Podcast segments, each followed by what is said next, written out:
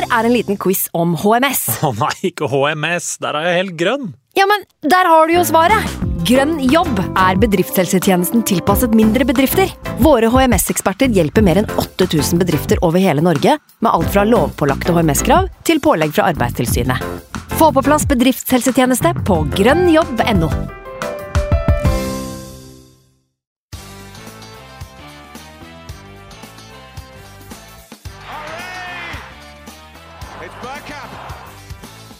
for grabs now! The next station is Arsenal.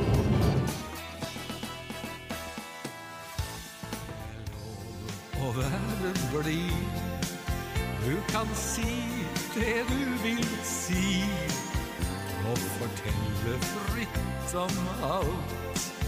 Det du følte falskt og galt. Du kan reise rundt og si det er lov å være blid. Hei, og velkommen skal du være til en splitter ny episode med Arsenal Station med Magnus Johansen og meg, Simen Goffeng. Rock bottom i Premier League, null poeng, ingen skårede mål og rett og slett den dårligste ligastarten i klubbens historie. Eh, hvor blid er du om dagen, Magnus? Ja, er det lov å være blid? Det er lov å være blid. Vi skal gjøre et Ja. forsøk i dag, skal vi ikke det? Vi må prøve det. Eh, hvis, eh, hvis man på en måte skal ta utgangspunkt i, i, i alt som foregår rundt Arsenal, så, så, så er det veldig vanskelig. Men vi må, vi må prøve å, å, å fremstå litt grann nyanserte, i hvert fall. Og prøve å se litt positivt på livet. Hvis ikke så, så blir det resepter både her og der, tror jeg. Man, kan ikke, man kan ikke grave seg helt ned. Det, det kan man ikke. Men det er klart, som du sier, verste sesongstarten i klubbens historie, og den verste sesongstarten av noen klubb i den engelske toppdivisjonen siden 1962. Det er dramatiske tall. Det er det, altså. Uansett hvordan du vrir og vender på det, så er det dramatiske tall. Så eh, hvis ikke det hamrer i bongotrommer og uler i sirener innad i Arsenal fotballklubb nå, så, så kommer det aldri til å gjøre det. Nei, det er jo det store spørsmålet.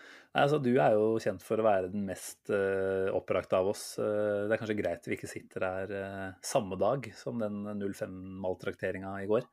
Eh, det er blitt eh, søndag kveld, og da har også pulsen fått eh, senke seg noen hakk eh, for din del. Ja, det er klart. Eh, sånn er det vel for deg òg. Og man, man, man har alltid godt av eh, noen minutters eh, og timers og kanskje døgns pause fra, eh, fra det, før man liksom begynner å og skal, skal ta tak i det. Fordøye det litt, rett og slett, og få det litt på avstand. Men Ja. jeg må jo si det at eh, eh, i motsetning til de fleste andre ganger man, man gjør det, så, så har jeg ikke klart å roe meg så veldig. Sånn, jeg er jo selvfølgelig mye roligere, og jeg er ikke det er ikke så mye banning og sverting og kasting av gjenstander og sånne ting, men det er jo Jeg kjenner jo at jeg er lynings fortsatt. Mm. Eh, på på Hva skal jeg si, ja? Ja, hva er Den er spillergruppa og den, Ja. eh, og den treneren da, som eh, Mm. presterte det de gjorde eh, på Etiad i går. For det var rett og slett eh, noe av det aller verste jeg har sett av et Arsenal-lag noensinne. Ja, det er jo en del forutsetninger som vi kan komme tilbake til, som jo kan være med å forklare litt av eh, hvorfor det blir som det blir. Og det er vel kanskje den jobben vi får prøve å ta på oss i dag, da, den eh, nyanseringsjobben. Hva er både årsakene til vi er så dårlige, men hvordan kan vi også på en måte godkjenne at det i hvert fall i noen tilfeller har blitt så dårlig som det har da, de første tre kampene her. Jeg vet ikke vi på en måte skal eh, bare dypdykke inn i litt av kampen og det som skjedde i går, eller i foregårs, da, når folk hører på dette her en mandagsmorgen. Eh, det er ikke vits å detaljere seg gjennom den kampen, tenker jeg, for det, det var et, Særlig etter den utvisninga på Chaka, så var det selvfølgelig en eh, Ja, det er jo noe av det merkeligste man har sett, egentlig. Det var vel en 90-10 omtrent i ballfordeling etter uh, utvisninga. Eh, Mm. Totalt sett har vi vel aldri hatt så lite ball i en hel eh, kamp som vi hadde der. eh, Med god margin. Eh, Det var jo noen negative rekorder som rett og slett man ikke trodde man skulle få se, som dukka opp i den kampen her. Og og også i ligastarten som helhet. Da. Men ja, hvordan skal vi angripe det, tenker du? Skal vi kjøre på med hva var det vi holdt på med allerede fra lagoppstillinga, eller er det blir det, Ja, det for, jo- blir det for vondt? Det er jo den måten vi har gjort det på den podkasten her, så vi kan for så vidt, for så vidt gjøre det. Og da tenker jeg Simen, liksom Hva tenkte du da når, eh, når du så eh, de elleve som skulle ut og representere Arsenal for, på ett Nei, altså, jeg kan jo ikke si noe annet enn at Kolasinac var det, store sjokket. da. Altså, Greit nok at han spilte mot West Bromwich. Eh, Pablo Marie hadde jo ikke vært fantastisk i de kampene før det, men jeg tenkte jo at eh, West Brom det var kun en uh, hvilepute for eh, Pablo Mari, og at Kolasinac skulle ut igjen. Eh, så han starter som venstre stopper i en treer. Og den andre delen er eh, Chambers og Holding. Da, da begynner du allerede der å tenke at dette her eh, kan bli stygt. Og Cedric på høyre wingback fatter jeg jo heller ikke. Vi har i hvert fall en annen wingback som er helt åpenbar kandidat til den plassen der, i Maitland Niles. Om han ikke vil spille høyre wingback eller hva som er greia, det kan man jo lures på, da. Men eh, ja, på et eller annet vis er det jo svakt av Arteta ikke å når han har han i troppen, eh, faktisk få han inn der, eh, hvor vi vet at han kan gjøre en jobb. Tierney på venstre wingback, ja, det var kanskje ikke kampen å få vise seg fram offensivt i utgangspunktet heller. Men nei, det var, det var overraskende der, og så blir jo på en måte det som skjer framover på banen prega litt av at man en, har en femmer bak. Kanskje ikke så overraskende at Zambi eh, får en pause. Jeg tenker at Artetas tanke om at han skal beskytte spillere litt, kommer til syne der. Eh, jeg tror nok at Zambi sånn tempomessig har en del å gå på, men, eh, men jeg tror at han ville gjort en en ålreit jobb på midtbanen der, eh, slik han har gjort. Han har vel vært en av våre beste tre spillere i de to andre kampene. Så kanskje rart på en måte da, å velge å ikke kjøre på med han videre. Og så Ødegaard rett inn, da. Det blir jo bare et lite, en liten notis i den store sammenheng. At han faktisk får redebyen redebuten sin og god sammen med resten av laget i fem minutter før eh, man bare blir helt usynlig. Mm. Så Nei, men så Den oppstillinga vi har bak der med, med de fem, da, det, det er ganske vilt å tenke på at her sitter vi ja, snart to år siden Arteta kom inn. Eh, og så er det det som er rekka vår. Det kan du selvfølgelig si er litt prega av skader og covid og alt da, men eh, og det er lett å være etterpåklok, men jeg tenker at det er helt åpenbart at man ikke skulle starta med Kolasinac eh, der. Eh, Tierney har spilt venstre stopper på, i trebekslinje for Skottland mang en gang. Og Arsenal. Eh, og, og Arsenal, for så vidt, ja. Eh, vi har henta en ny ving, venstre wingback i sommer. Eh, at ikke Tavares får muligheten til å spille da, det, og at man gjør litt om på det, det, det, fatter jeg ikke. da, Og det blir på en måte en sånn første vurdering som, eh, som gjør at man bare lurer litt da, på hva er det hva er det Arteta egentlig tenker på her. Eh, Så kan man selvfølgelig si at uh, uansett hvordan vi hadde stilt opp, så er det noe vi kunne tatt han på, eller det ville sikkert ikke sett så positivt ut uansett, da, men det, det, for meg så signaliserer det også så mye da, til et lag, altså til, en, til resten av spillergruppa, når man har jobba hardt for å få Kolasinac ut i lang tid. Man kunne gi han bort gratis til Schalke i, i sist vinter. Eh, det siste vi har sett der, er vel at han har eh, Det har vært snakk om Fenerbahçe ganske nært opptil, og så så gir hun full tillit i den bortekampen her, da du vet at ikke han skal være med på det som skjer framover. Det, det fatter jeg ikke. og da, da må jo på en måte den eneste forklaringa være at det er noe med helsa til noen av disse andre da, som gjør at ikke de er helt klare. Det, jeg klarer liksom ikke å fatte at det skulle være noen annen årsak enn det. Nei, det er det man håper på, rett og slett. Eh, Det er litt stygt å si det, men uh, man håper jo at, uh, at Pablo Marie kanskje da hadde en kjenning med et eller annet som gjør at uh, Og at, eh, at man kanskje vurderte dit hen at Nuno Tavares ikke var klar, og at Maitland Niles eh, rett og slett bestemte seg for at han ikke skal spille wingback. Eh, Men han altså, jeg vet bestemte ikke- seg selv. Ja, men han har jo sagt Han har jo for så vidt gjort det flere ganger. Han har jo gang på gang sagt at han ønsker å spille midtbane. Men, men da sier du igjen Jeg tenker jo det sier litt om at uh, altså Arteta skal jo være autoriteten i, i garderoben her. Og at Ja. han ikke eventuelt klarer å overbevise uh, Maitland Niles om å gjøre den jobben for laget. Altså når man har de alternativene man har. Bellerin er ikke med. Eh, Cedric eh, vet vi omtrent hva vi får nå. Han var ikke god mot Chelsea. At han da får en ny start mot City er egentlig kriminelt i seg selv. Så hvis det er sånn at Arteta da ikke har klart å overbevise Maitland Niles om at denne kampen må du gjøre en jobb for laget, da, da syns jeg Altså, det det blir jo, altså, den, den skuta her den har jo kjørt på et isfjell, og den lekker som faen. Og du har en fyr som kan uh, senke livbåtene, men han vil heller gå ned med skipet. Altså, det, det blir så dumt. altså, Det er kanskje en dårlig analogi, men poen- poenget mitt er at som, som du eh, rettmessig påpeker, da. Maitland Niles har vist så mange ganger at han kan mestre en sånn rolle. Eh, han, kan, han kan få en sånn veldig sånn spesifikk jobb og, og takle det veldig godt. Han er en atlet. Han er en god eh, defensiv eh, spiller. Han leser spillet godt. Eh, han mangler kanskje ballferdigheten da, til å gjøre så mye fremover på banen. At han da ikke kan gå inn når, når klubben, når, når båten her synker, eh, og, og ta den jobben. Eh, det, det, det, er dårlig, rett og slett. Det er, det er skammelig. At Kolasinac da skal inn, som du sier, han er på vei ut. Han er åpenbart en spiller Arsenal prøvde å kvitte seg med både to og tre år nå. Mm.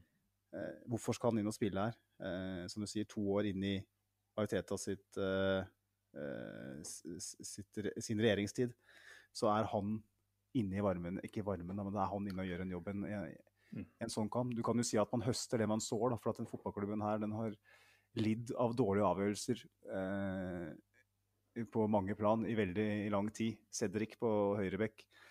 Han er jo kun der fordi at vi var idioter nok til å gi en fireårskontrakt i fjor sommer. Uh, Kolasinac er jo kun der fordi at vi ga han en monsterkontrakt når han signerte på free transfer fra Schalke. Eh, Callum Chambers er jo kun der fordi at vi har ikke klart å kvitte oss med han. Til og med Rob Holding prøvde vi å kvitte oss med i fjor sommer, helt til vi plutselig fant ut at nei, vet du hva, han skal spille. Han skal, han skal være med. Og Rob Holding, til hans forsvar, har gjort en god jobb. Jeg mener at Rob Holding er en av de minste problemene vi har i den fotballklubben her akkurat nå. Mm. Bare for å si det. Men at vi er her nå, selv med Gabriel og White ute At de spillere her, med Pablo Mari på benken da, som man henta i fjor sommer, som skulle være en backup på venstre stoppeplass Når vi har tre stoppere inne, så skal han sitte på benken. Og to av de beste er ute. Jeg forstår det. Jeg klarer ikke å forstå det. Det må være et eller annet vi ikke vet. For det virker bare helt, helt svarte natta. Helt idiotisk. Sorry, altså. Det er lov å være blid, da. Det var det ikke det vi ble enige om her i starten. Skulle vi ikke prøve Ja, jeg- å holde oss eh, der litt lenger, kanskje? Beklager, beklager til de som hører på oss, men eh, man blir bare dratt ned i det dragsuget av negativitet. Og, Ja. ja, og det er jo et eh, poeng i seg selv. Altså, som supporterskare her nå, så, så er vi forskjellige, og vi reagerer forskjellig. Og vi ser nok ulikt på den situasjonen vi er i nå. Tenker at det er mye prat på sosiale medier. Eh, Hva er riktig innstilling til det vi ser nå om dagen? Da? Altså, jeg er vel av den oppfatning at eh, man må få lov til å være litt negativ. Uh, man må i hvert fall få lov til å være kritisk og komme med konstruktive syn på sak, saken. Eh, og det er ganske mye konstruktiv kritikk man kan komme med etter det man har sett de første rundene her. Og du kan også komme med mye årsaksforklaringer til at det er som det er. Altså Vi har hatt sannsynligvis eh, mest problemer av alle Premier League-lagene nå med eh, covid-tilfeller, litt skadetilfeller. eh, men, eh, men det er sånn. jevnt over da, så vil, vil alle lag ha en eh, viss mengde uflaks. og Mm. Vi, vi har ikke vært flinke til å håndtere den uflaksa. Det er det i hvert fall ikke noe tvil om. Så at uh, du er negativ, Magnus, det, det tenker jeg er helt forståelig. Og du skal få lov til å være det. Og jeg tenker at uh, vi supportere får bare akseptere at vi reagerer uh, vidt forskjellig, rett og slett. Og så, så er det noen gang sånn at uh, når vi står på, på Emirates eller på bortetribuna, da er vi, da er vi med. Og da, Definitivt. Er, ikke sant? Og det er også en ting som jeg syns er viktig å huske på, at vi som sitter her bak et tastatur, vi Altså, det finnes jo selvfølgelig de idiotene som faktisk går direkte på kommentarfeltet til en spiller og hetser. Det er jo noe helt annet enn å sitte og ha en konstruktiv eh, samtale eller eh, egne meninger om hva som er problemet. Eh, hvis man mener at Arteta er problemet, så tenker jeg man skal få lov til å mene det nå. Mm. Eh, hvis man mener at eieren er problemet, så det tror jeg vi alle er enige om egentlig. Men det er mange måter å, å forklare dette her på. Hvis du mener at eh, det vi har sett til nå kun er uflaks, skal du få lov til å mene det. Eh, og så feiger jeg kanskje ut og er en sånn eh, litt imellom eh, alle disse forklaringsmåtene, og så, så havner jeg på at eh, vi har mange grunner til å føle oss eh, både litt urettferdig behandla av eh, både dommere og, og skadeguder og covid-guder. og det er også sånn at uh, Arteta per i dag ikke får nok ut av de spillerne han setter på banen. Fordi, som du korrekt påpekte før vi gikk på lufta her, altså ja, de spillerne vi hudfletter og hater å se i, i forsvarsbekkfemmeren her, den består jo likevel av eh, relativt solide fotballspillere. Altså landslagsspiller på Bosnia. Eh, Cedric var inne på landslaget til Portugal senest i, ja, tidlig på våren. Mm. Eh, du har hatt en Chambers og en Holding som begge har vært i landslagsdiskusjonen til England. Chambers har vel vært inne for en god stund tilbake òg. Okay, vi skal ikke ta for mye ut av det, men det betyr at det er fotballspillere der som med riktig type veiledning, eh, putte det inn i et system som funker, vil eh, komme greit ut av det, tenker jeg. Mm. Og det mm. vi holdt på med mot City nå, allerede på 1-0 og 2-0, det var forsvarsspill fra helvete, rett og slett.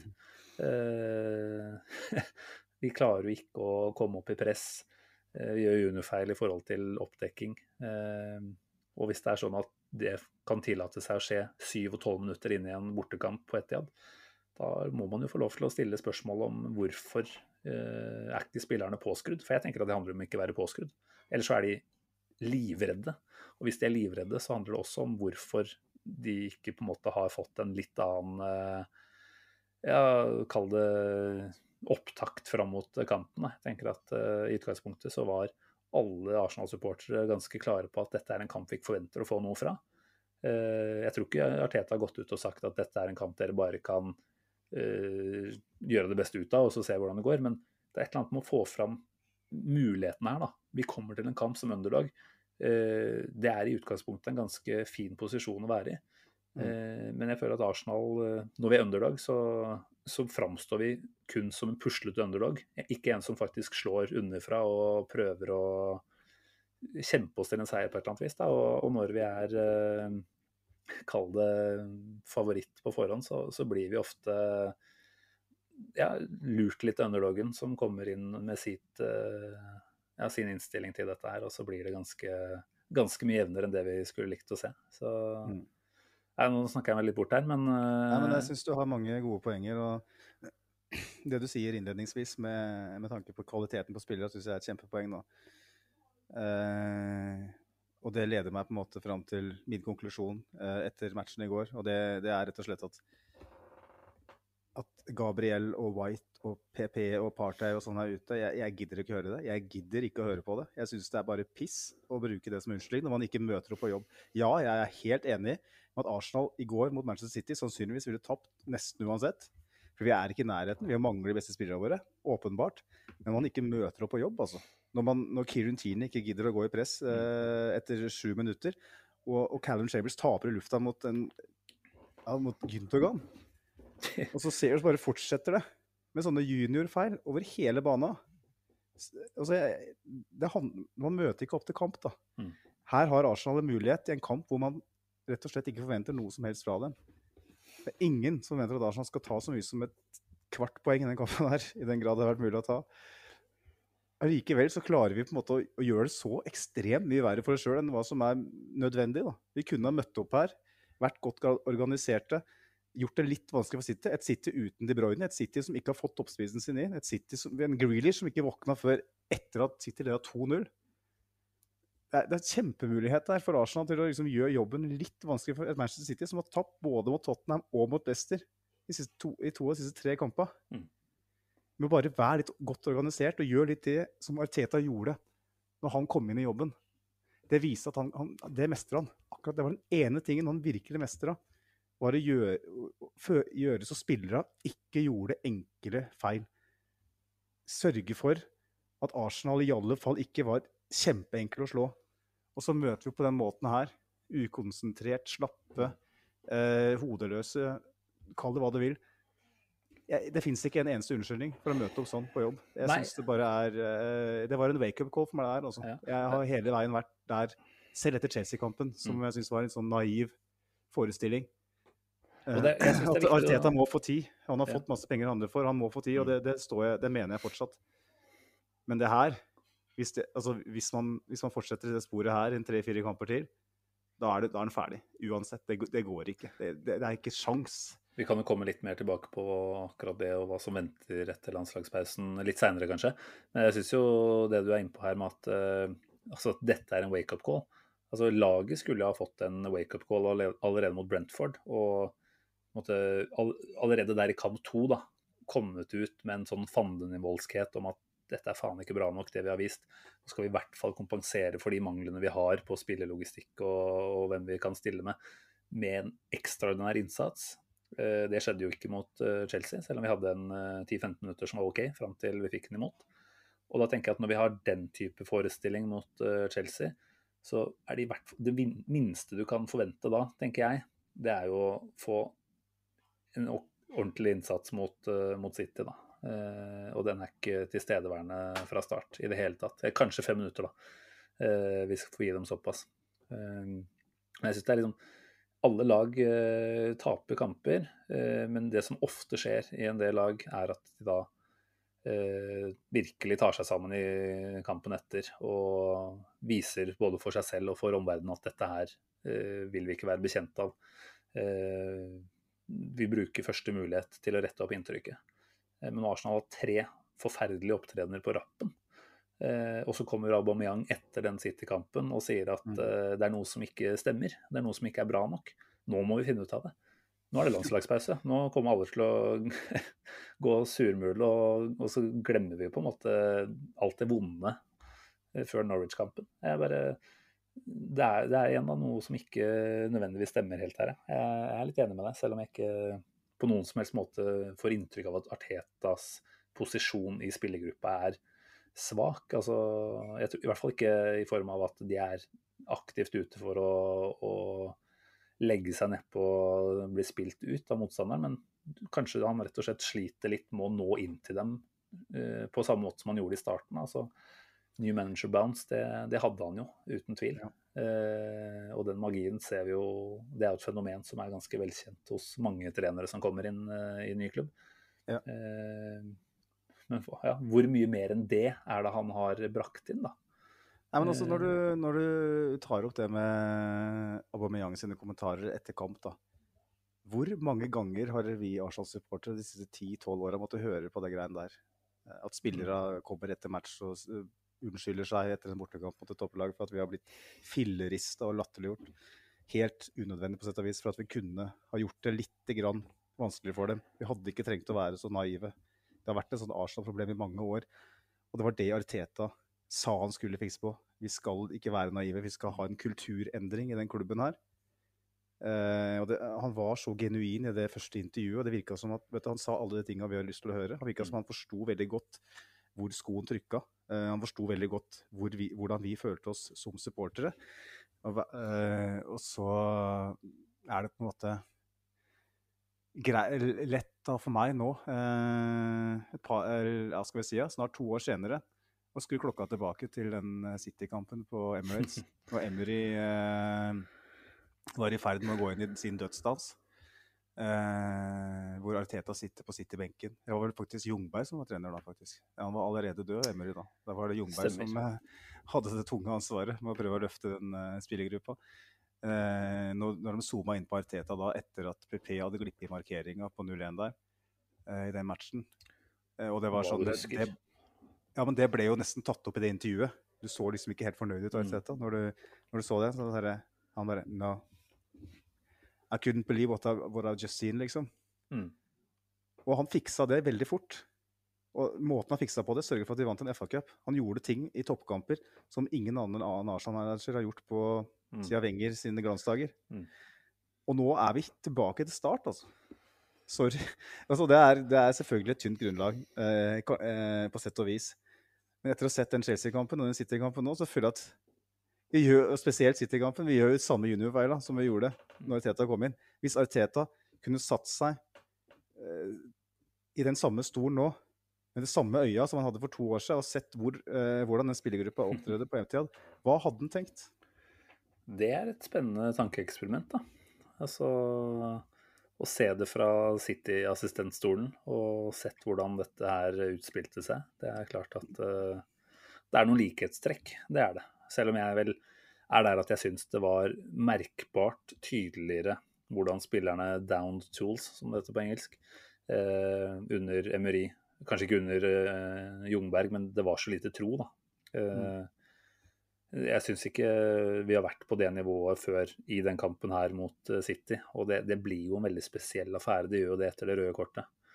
Men, Ja, eh, men det, da- var jo mye, det, det skjedde jo så mye før det røde kortet at jeg, jeg, klarer ikke å ta det inn i beregningen i det hele tatt. fordi at Mm. de to første måla var så soft, og måten vi opptrår på, spesielt til 0-1 eh, Altså, vi kunne tapt like mye med med elleve mann, det er jeg helt sikker på. Jo, det, det kan du for så vidt si. at Det er ikke, det er ikke helt utenkelig, det. Nei, jeg syns det her er kjempevanskelig. Uh, jeg, en del av meg har bare lyst til å bortforklare mye av det med at vi har to flink, bedre stoppere som ikke har spilt i noen særlig grad. Eh, som forhåpentligvis er klare etter landslagspausen. Vi har vår definitivt beste midtbanespiller. Eh, forhåpentligvis tilbake. Jeg tror Vi kan ikke undervurdere hvor mye en party kunne gjort i det laget her. altså. Nei, for. Eh, Det er, det er som du sier tidligere her, at eh, hvor mye skyldes disse prestasjonene, spilleres fravær?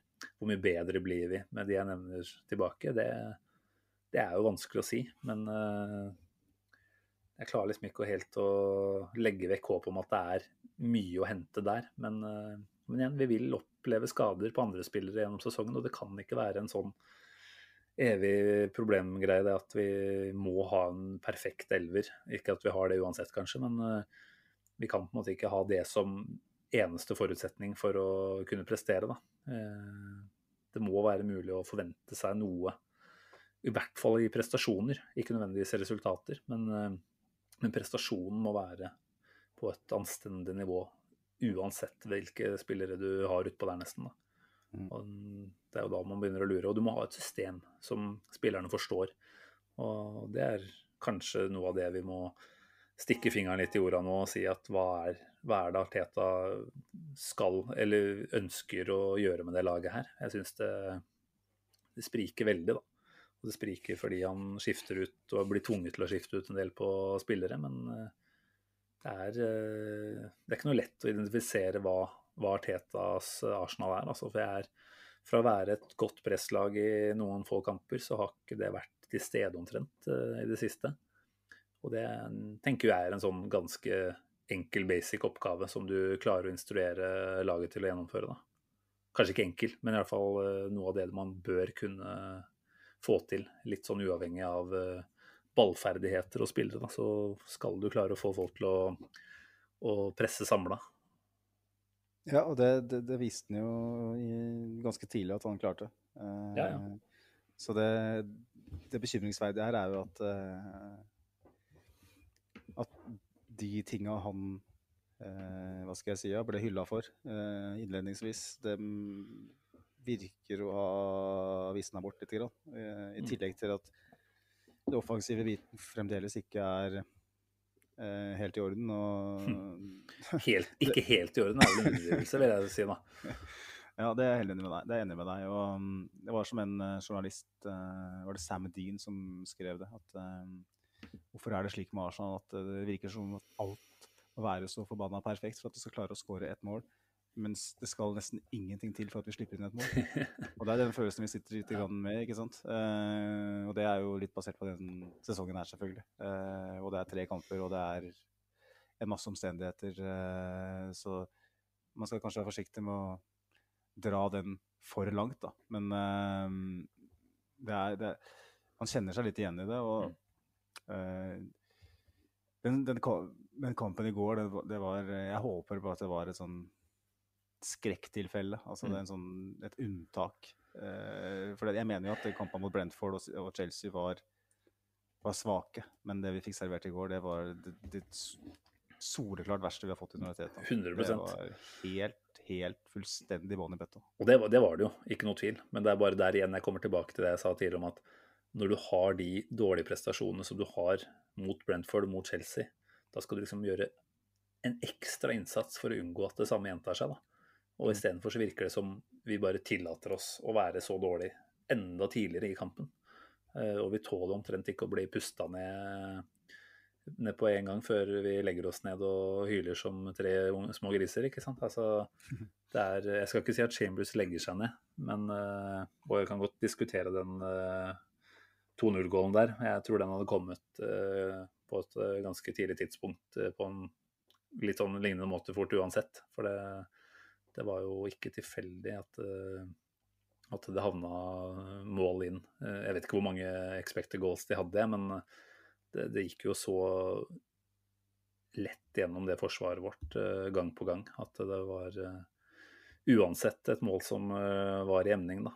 Men eh, Ja. nei, jeg vet ikke helt eh, hvor, hvor mye lenger vi klarer å måte prate om uh, at dette ikke er bra nok. Uh, for det, det er det bare ikke.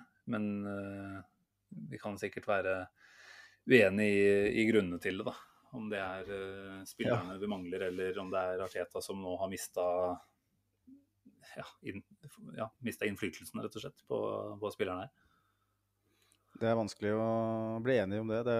Fansen er jo i stor grad splitta, sånn jeg opplever det nå. Noen, eh, inkludert meg selv, ser jo et hakk høyere enn Arteta eh, allerede. Og tenker eh, hvis det her går til helvete, hvem, da, da, da klarer ikke jeg å skylde på Arteta, egentlig. Men hvis man ser på det litt mer eh, enkelt og hva skal jeg si, øyeblikkets, eh, øyeblikkets tid, så er det åpenbart at at, eh, at de som mener at Teta bør gå, de, de skal jeg ikke, absolutt ikke klandre. Jeg forstår veldig godt at, at folk har fått nok. eh, For det er jo ikke slik at de tre kampene her eh, er en eh, sånn isolert greie. Det har jo vært veld, veldig, mye som har, eh, ikke har funka under Teta, eh, rett og slett. Og det, det er jo på en måte å få den bekreftelsen eh, som man ikke ønsker, da. Mm. Om at eh, han ikke er skikka til oppgaven. Eh, Ja, nei, jeg kjemper en kamp med meg selv for å på en måte ikke havne nedpå der. At det er det jeg mener. Fordi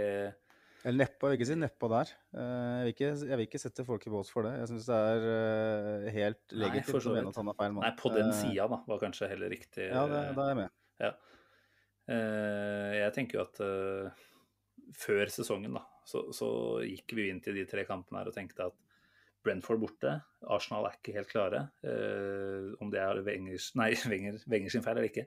Om det er Tetas feil eller uh, Det er noen som mener det òg. eller om det er du som måtte sørge for at alt var eh, klarere. Det, eller om det er covid sin feil igjen, da. Uh, jeg tror det var mange av oss som tenkte at Brentford blir dessverre vanskelig. Eh, selv om vi ikke burde tenke det, så, så var jo det en innstilling vi hadde til dette her. Eh, før Chelsea var vi ganske enige at vi er ikke favoritter, åpenbart ikke er.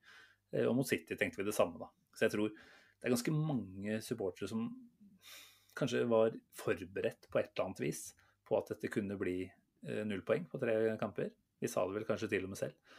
Eh, og så er det vel eh, måten det skjer på da, som gjør at man blir ekstra uroa. Altså det er en mangel på fighting spirit, og det er eh, naivt mye av det som skjer mot Chelsea der i første omgang. Eh, det er mange skritt tilbake på en del områder, da. Eh, så det er eh, jeg, klarer liksom ikke helt å komme unna at med en toppa elver, en helt klar elver Vi ser jo noen lag klare å stille samme elveren i hver eneste kamp de tre første kampene her. Det, det tenker jeg jo ville kunne utgjort, utgjort en ganske, ganske betydelig forskjell også. Ja, ja, men man trenger på en måte ikke å, å fremstå som Sleidal IL, da. Eh, selv om man har noen mangler. Det er det som er litt poenget her. At, mm. forventningen til den eh, Arsenal-årgangen her er ganske lav. Eh, Det er ganske, med tanke på hva slags eh, renommé Arsenal-fansen har blant eh, andre supportergrupperinger, så er det ganske utrolig å tenke på at eh, vi kunne ha stått med null poeng etter tre kamper, og gans, for, mange ville fortsatt være ganske rolige. Mm. Det faktum at vi ikke er det, sier jo litt om hvor ille det har vært. Ja. Ja, det, er, det, er måten det skjer på, det er ikke resultatene. Nei.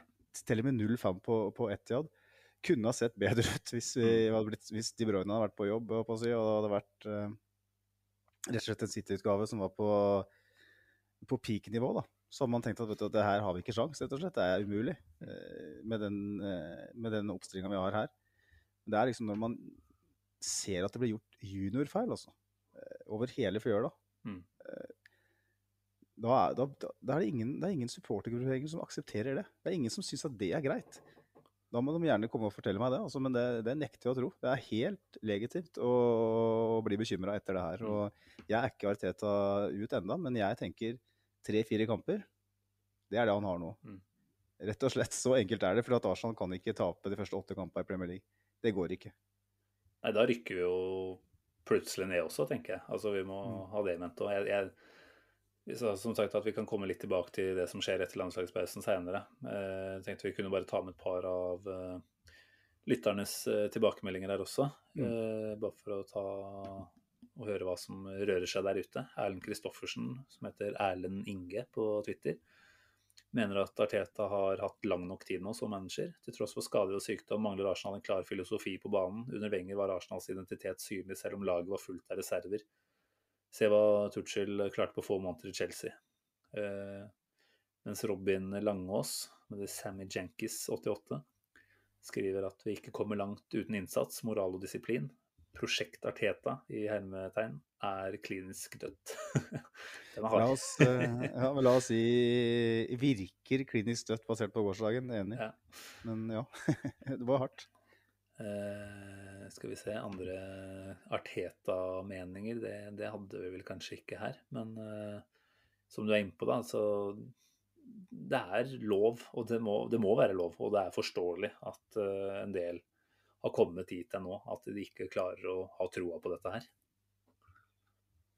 Ja, absolutt. Det, det har eh, det har vært en helt åpenbar tendens om at Arsenal ikke klarer å skape målsjanser. Eh, nå står vi etter tre kamper uten scoring for første gang i klubbens historie. Ja, vi har spilt mot eh, City og Chelsea, men vi spilte også mot Brentford. Ja, jeg vet vi hadde mangler, men det er liksom noe med hvor langt skal man dra unnskyldning nå, da? Ja, det, er greit å, å si at, eh, at slike type uforutsette hendelser gjør at man kanskje ikke skårer like mange som man burde. Men i løpet av eh, 270 minutter, er det ikke det det blir da? Pluss tillegg. At man ikke da liksom På et eller annet tidspunkt med Aubameyang, som spilte i går Han kom inn vel òg mot eh, Chelsea. Smith-Roe har spilt, Saka har spilt. At man ikke klarer å Man har jo ikke man har jo den dårligste XG-en i Premier League òg, ikke sant? Vi har vi Dårligst begge veier. Dårligst begge veier, ikke sant? Det er, det er for eh, mange ting som ikke fungerer, da. Eh, og når man da i tillegg eh, ser at de tingene som Arteta var god på innledningsvis, virker å være litt eh, borte, så da blir man jo alvorlig bekymra. For vi er jo ikke i en posisjon hvor vi kan liksom si at ja, men vi brukte en 12-13 kamper på å komme i gang. Vi. Det er ikke sånn Premier League funker. Ingen, ingen kan si det. Altså, det funker ikke, nei. Da, da er du ute. Du må finne en løsning. Arsen Wenger var jo en mester på det. Ja, Espen Gunners eh, Bakke stiller jo spørsmål her, da. Hvordan skal Arteta klare å snu det synkende skipet? Altså, for det er vi jo nå. Vi er jo et synkende skip her akkurat nå. Eh, og jeg tenker jo at Arteta er mannen som blir sittende nå. Jeg ser noen allerede driver og snakker om konto, og at uh, her var vel til og med VG eller TV 2 som hadde i en artikkel at det var en mulighet for at Arsenal kunne ha en ny trener enn han som henta Ødegaard eh, etter landslagspausen. Det, det er helt usannsynlig. Eh, Hvis vi hadde fått sett et managerbytte nå, da, da hadde jeg blitt ekstremt, ekstremt overraska.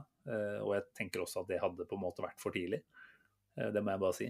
Eh, Selv om det kunne vært et eh, positivt tegn på én måte hvis de faktisk hadde lina opp en riktig kandidat, men det, det har jeg null troa på at det, eh, de eierne og det styret her har gjort. Så da må vi spørre, da, hvordan er det Teta skal klare å snu det synkende skipet her? Er det, er det noen sånne åpenbare knapper han kan trykke på? Altså, nå skal vi jo spille mot eh, Norwich. Det er jo en drømmemotstander, egentlig. Altså et uh, dårlig Relativt, da, i hvert fall dårlig lag som eh, ikke kommer til å legge seg veldig bakpå. For de er ikke noe bedre enn oss, i hvert fall, på defensiv organisering.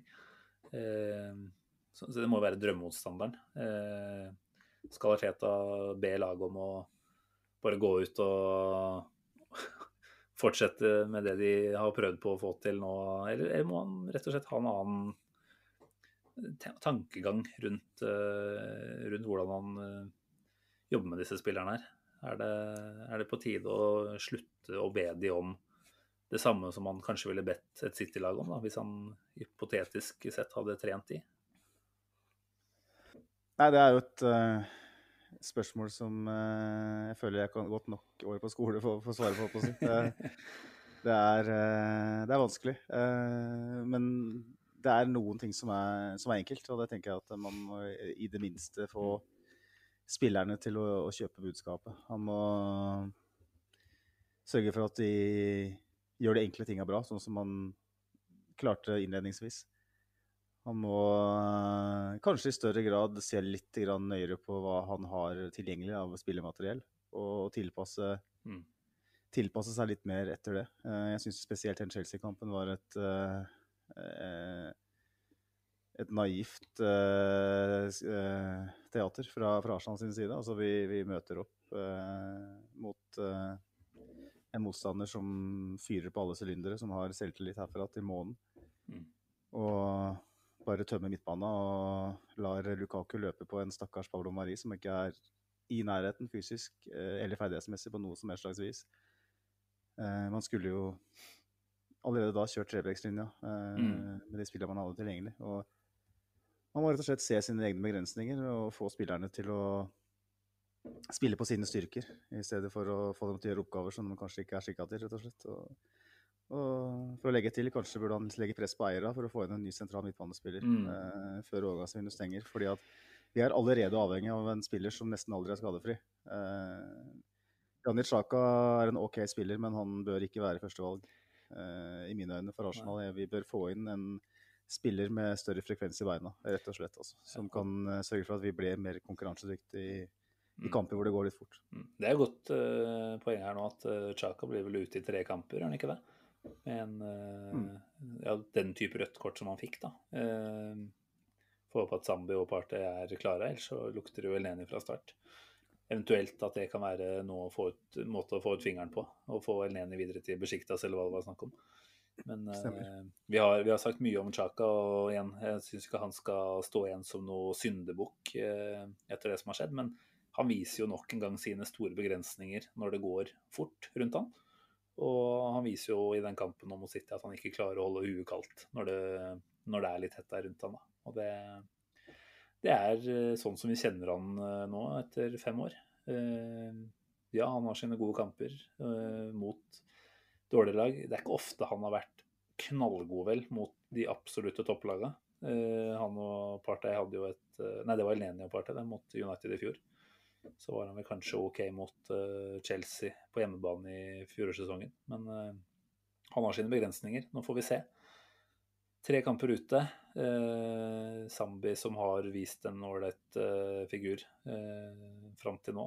Plutselig så er han inne der og Ja, vanskelig å sette den ut hvis han og Party klarer å komplementere hverandre. Da. Da tenker jeg vi får i så fall være veldig godt fornøyd med det, og så kan vi bare riste på hodet da. Da har vi allerede en Chaka eh, som ikke er et førstevalg eh, med tre eller fire år igjen av kontrakten. Som jo ble offentliggjort at ble forlenga nå tidligere denne uka, vel. Så Ja. Nei, det er jo mange, mange ting man kan stille spørsmål rundt igjen, da. Men eh, for å svare på Gunners eh, Bakke sitt eh, spørsmål her, så er det vel å håpe på at man kan stille så sterkt som mulig. For det, jeg tenker at når det er såpass lite eh, god plan og rett og slett at vi er avhengig av enkeltspilleres prestasjoner for å, for å få dette her til, så, så er Arteta der at han må håpe på at de beste spillerne er på plass. Ellers så blir det enda mer avkledd enn det det, det ellers ville blitt. Mm. Det, det er riktig. Og det blir spennende å se nå eh, hva som skjer, da. Eh, før vinduet stenger på tirsdag. Eh, er det Har man en eh, kanin i hatten som han drar opp, eller eh, er vi ferdig? Jeg mistenker at vi er ferdig, og med tanke på penger eh, brukt i Mm. sommer, så kan man ikke klage Nei. på akkurat det, i hvert fall. Men eh, så er jo heller da spørsmålet om man har brukt det riktig. Men eh, jeg føler jo at en av de tinga som jeg personlig i hvert fall mente vi måtte få på plass uh, før sesongstart, uh, ikke før sesongstart, men før vinduet stenger, det var en ny sentral midtbanespiller. Og da, da tenker jeg i tillegg til Sambi Lokonga, som er en, Mm. en, en mann for framtida. Og situasjonen kjenner vi jo godt, ikke sant. Eh, Vi trenger ikke å gjenta det, men, uh, det, er liksom, det, er, det er liksom det der med at jeg føler at det er kanskje forskjellen, da. Mm. På om vi klarer å snu det under Arteta, eller om vi ikke klarer det. For hvis, vi, hvis, hvis, hvis, nei, hvis Thomas Partey fortsetter å være skadeforfulgt, så har ikke vi nubbesjans. Det er så enkelt. Ja. Tar du en Bizoma eller Neves, selv om det for så vidt ikke er helt samme spillertyper? En av de to inn i de siste dagene her. Vi veit vel at uh, Arsenal har vært interessert i begge to. Det er i hvert fall før sesongstart mulig å få de for en 30 millioner ish pund. Eh, nå etter at eh, sesongen har starta og det er kort tid for klubbene å få på plass noen andre, så er det vel kanskje desto vanskeligere å få gjort den dealen. Da. Men mm. hadde du tatt en av de to per i dag? Ja, altså det er vanskelig å svare på sånn med tanke på hvor lite jeg vet om hva slags typer de er utafor banen og sånn, men uh, ferdighetsmessig definitivt. Jeg kunne jeg hadde elska fått inn Buzuma, mm. som er en uh, terrier som dekker store rom, vinner ball. Uh, ligger foran Ikke så med ball heller. Nei, nettopp. ikke sant? Han er en sånn type som ville ha gjort oss konkurransedyktige veldig fort da, mm. i en del kamper, tror jeg. Men Ruben Neves er jo en, en yngre Sjaka, eh, egentlig. ja. Men kanskje med litt bedre defensive ferdigheter, ut ifra det vi har mm. Lest og, og, og, hørt. Eh, jeg tenker jo at eh, jeg ville ikke betalt en overpris for Ruben Neves, og jeg mistenker at det er det vi må gjøre nå. Mm. når vi kommer til det punktet her, Så jeg ville, jeg ville takke ja til Vizoma. Nesten for enhver pris akkurat nå. Mm. mens Ruben Neves ville ha vært hva skal jeg si, litt mer forsiktig med å takke ja til. Hva tenker du? Nei, altså, Jeg har jo sagt tidligere at Bizoma vel hadde vært en av de jeg absolutt kunne tenke meg. Eh, så hørte man jo en del, kall det flinke eksperter, si en del om at han ikke ville være en mann eh, som nødvendigvis ville utfylle Partei så veldig bra. Men som du sier, da, så nå har vi en Partei med skadehistorikk. Eh, mener jeg jo Det er ikke urettferdig å si det, at han er en skadeforfulgt spiller. Mm. Ikke feil. Da tenker jeg at vi må planlegge for eh, andre scenarioer enn at han skal spille 30 pluss Premier League-kamper. Og da tenker jeg at en Bizoma inn der er noe av det beste du kan få tak i. Jeg er, eh, er nok en del mer interessert i han enn Neves, da. Eh, rett og slett fordi jeg tenker at Arsenal trenger så mye atletisk som mulig på den sentrale midtbanen. Jeg er så lei av at vi blir forbiløpt og brukt som vendingsbøyer, da, som jeg føler Chaka til gangs har blitt, eh, og fortsetter å bli. Og det er liksom ikke noe overraskende i det hele tatt. Så eh, jeg kjenner jo at eh, selv om jeg på en måte kunne forklare for meg selv hvorfor det blei som det ble med Sjaka, så det er så bittert å ikke ha klart å ta det steget vekk, og forhåpentligvis også videre, som det ville ha vært, og ikke være avhengig av en Sjaka sentral på midten. Så jeg støtter deg egentlig. Ja, nå, har jo vist, nå har jo klubben vist at vi har økonomiske muskler, da. Mm.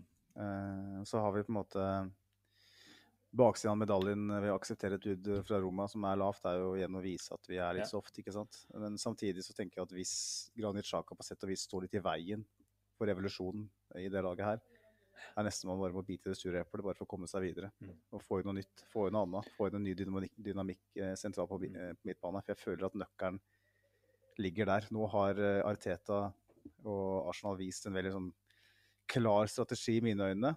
De to vel største signeringene han har gjort sånn, med tanke på overgangssum, det er eh, Ben White og Thomas Partey. Mm. De, de, største Eller de, de, mest fremtredende ferdighetene for begge spillerne er evnen til å ta med seg ball fram på banen, gjerne gjennom ledd. Det er det de to kanskje scorer aller best på. Så det må vise jo på en måte et ønske om å løse opp i det derre eh, litt omstendelige på tvers-greiene som vi ser nå. At man skal prøve å få ball hurtigere fremover i, i banen. Mm. Eh, og da er det liksom eh, Hvis, hvis Granit Xhaka på en måte står litt i veien for det, da eh, så er det, når man har brukt en milliard på å hente spillere som står for noe litt annet Biter det sure eplet, da. Få mm. den ut, få inn noe annet. Få inn en som er litt mer rapp, er litt mer dynamisk. Så vi faktisk får, får på plass en, eh, et samarbeid på midten som kan funke. Vi har sett det så mange ganger. Mm. Når sist funka Arsenals eh, midtforsvar og midtbane på en måte som gjorde at du tenkte at vet du hva, det her kan ende med i alle fall utfordring mm. når det gjelder mm. ligatittelen. Det var i 2015, når Coquelin og Casorla spilte sammen på midten og Mertesacker og Korsellen spilte sammen i Forsvaret. Casorla er en fantastisk spiller. Men ved å ha Coquelin ved sin side, så fikk han alt ut av uh, Coquelin og enda mer ut av seg sjøl. Sammen med Mertesaker og Korselny. Begge hadde sine begrensninger som midtstoppere, men sammen funka dem. Ja, og da Jeg føler at vi må, vi må, finne, vi må finne partneren til Thomas Partey. Granit Xhaka er ikke partneren til Thomas Partey. Ikke den partneren som kommer til å gjøre Arsenal til et topplag igjen. Aldri i verden. Nei. Få på plass noe nytt. Ja. Eh, om det så gjør at vi må selge Xhaka til underpris. Det det er nå min tanke Ja, Jeg tenker at eh, det er helt urealistisk i mine øyne at vi kommer til å selge Saka, nei, saka nå i, i sommer. Og, Det skjer jo ikke nå, selvfølgelig. Nei, så, så jeg tenker jo at uh, få Elneni ut, uh, frigjør den plassen der, og så henter man inn en, uh, en oppgradering av Chaka. Og så får Chaka være rotasjonsspiller neste halvår eller ses hele sesongen, og så får han gå til sommeren for underpris, som du sier. Det er måten å bygge den stallen er bedre på. Eh, midtbanen som Greit nok den funka på sitt vis med Chaka og, Xhaka og Partey, men det var jo, som du sier, at det var en del åpenbare mangler som ble, ble tydelig i en del av kampene allikevel. Og de spilte vel ikke så mange kamper sammen heller. Så bare det å ha en, et bedre utvalg på den sentrale midtbanen enn det vi har, eh, tenker jeg er avgjørende for å kunne være konkurransedyktig. Da. Uten at jeg har noen liste, så er det jo helt åpenbart at uh, det er en del andre klubber som har bedre fjerdevalg enn El Neni. Det tror jeg i hvert fall. Åpenbart. Og om Sjaka er fjerdevalget vårt, så er på en måte det greit. Mm, mm. er villig til å akseptere det. Det tviler jeg på, men Nei, men da går han da, til neste år. da får han gå, ikke sant. Og man må kunne ta de tøffe avgjørelsene. Man sa før sommeren at man skulle være kompromissløse. Eh, Jeg føler jo at vi til en viss grad har vært det. Vi skal jo ha en sånn overgangsoppsummering eh, neste uke, vel. eh, Hvor Mm. vi går gjennom overgangsvinduet og prøver å vurdere hva, eh, hva som er bra, hva som er mindre bra. Eh, Men man har, eh, man har ikke klart å være så kompromissløse som man ønsket, og det er jo delvis fordi at markedet er som det er, men òg fordi jeg, jeg mener jo at man, man ved å, å selge Sjaka da, på det tidspunktet hadde vært med Det kunne vært et ledd i å være mer kompromissløs, Mm. og da vist økonomiske muskler og henta en til si 50-60 millioner pund. Da. Eh, så kunne man kanskje kutta ut eh, eh, en av de vi har gjort, da, for å kunne klare å gjøre det. Eh, fordi at jeg føler at dynamikken i laget på sentral midtbane står i veien for det laget her. Eh, vi er nødt til å skape noe der som gjør at vi, at vi kan dominere fotballkamper. At vi kan vinne ballen høyere i banen, at vi ikke blir tatt på senga, at vi ikke blir soft hele veien. Eh, det, er, det, er, det mangler så klart. Eh, og med Thomas inn, det vil endre mye, men det, jeg tror ikke det er nok. altså.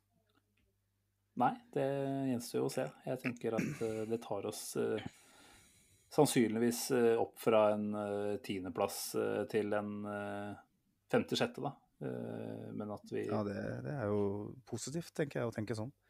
Ja, kanskje vel positivt, men, eh, men igjen, det er jo ikke Og per akkurat denne sesongen så kan det hende at det er der vi i beste fall kan håpe på å komme. Altså Sånn som det ser ut nå, så skal vi være sjeleglade om vi kommer topp seks og får Europaliga.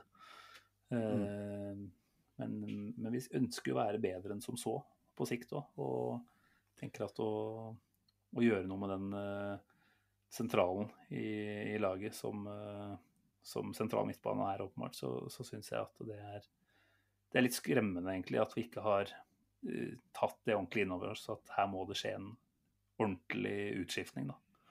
Det blir en sånn liten, uh, stadig endring som ikke blir nok til å, til å igangsette en, en revolusjon da, som nesten må til. Mm.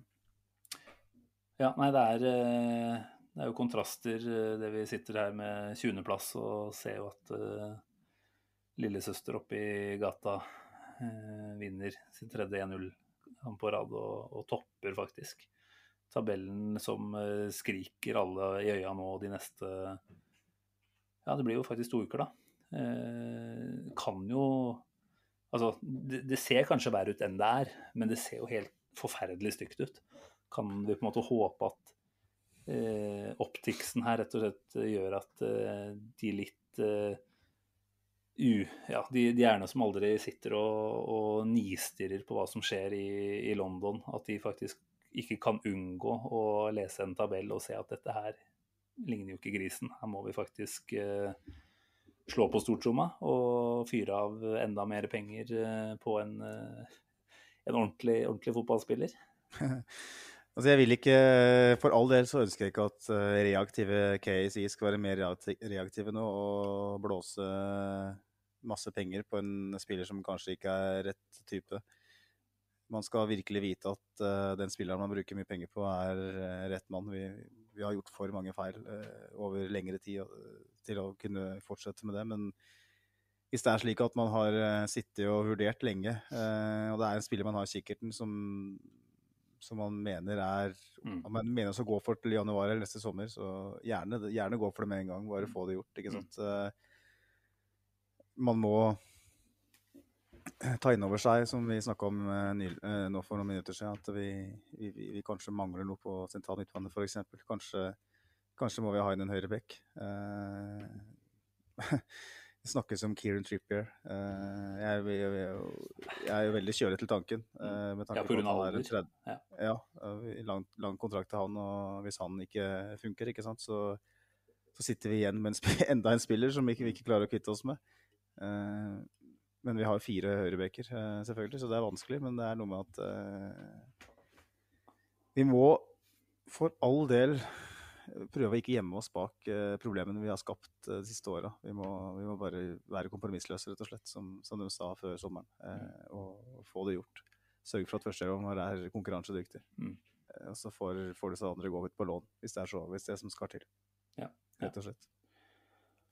Vi må ta med noen eh, flere innspill og spørsmål her. Eh, over til noe litt brutalt, da, kan man si. Eh, Fredrik Tiller Hegstad spør oss eh, om Conte. Han sier at det er noen rykter om at Arsenal har Conte som nummer én på lista hvis Arteta ryker.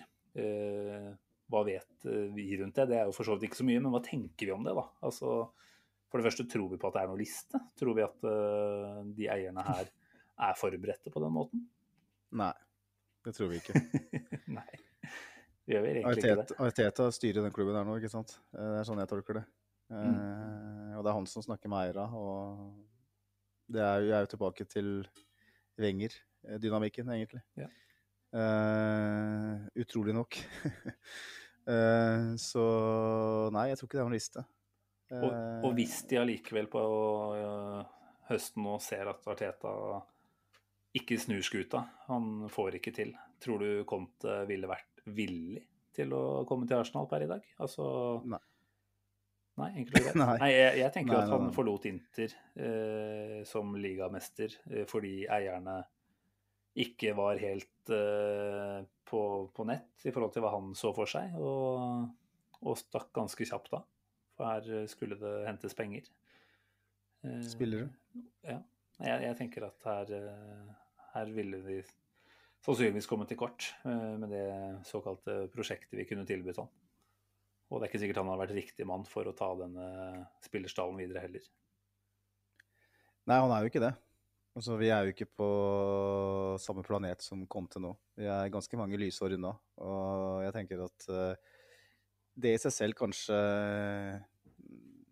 er litt grann trist. At vi, at vi er så langt unna å kunne tiltrekke oss en sånn type som kan komme inn og skape resultater eh, og titler umiddelbart. Men vi er ikke der per nå. Og jeg mener hvis Conte hadde vært villig til å ta over, så hadde det vært galskap å å ansette den også. For det, da hadde han det første han hadde gjort, er å prøve å kvitte seg med Ben White og Ramsdale og Lokonga. Og hente inn en haug med 29-åringer som eh, presterer nå. Vi har brukt 1,3 milliarder i sommer på unge spillere som skal være framtiden i Arsenal. Og da er vi helt fuckings nødt til å prøve å få det til å funke. Hvis ikke så er, er det er en klubbdrift fra så dypt i avgrunnen som det er mulig å bli.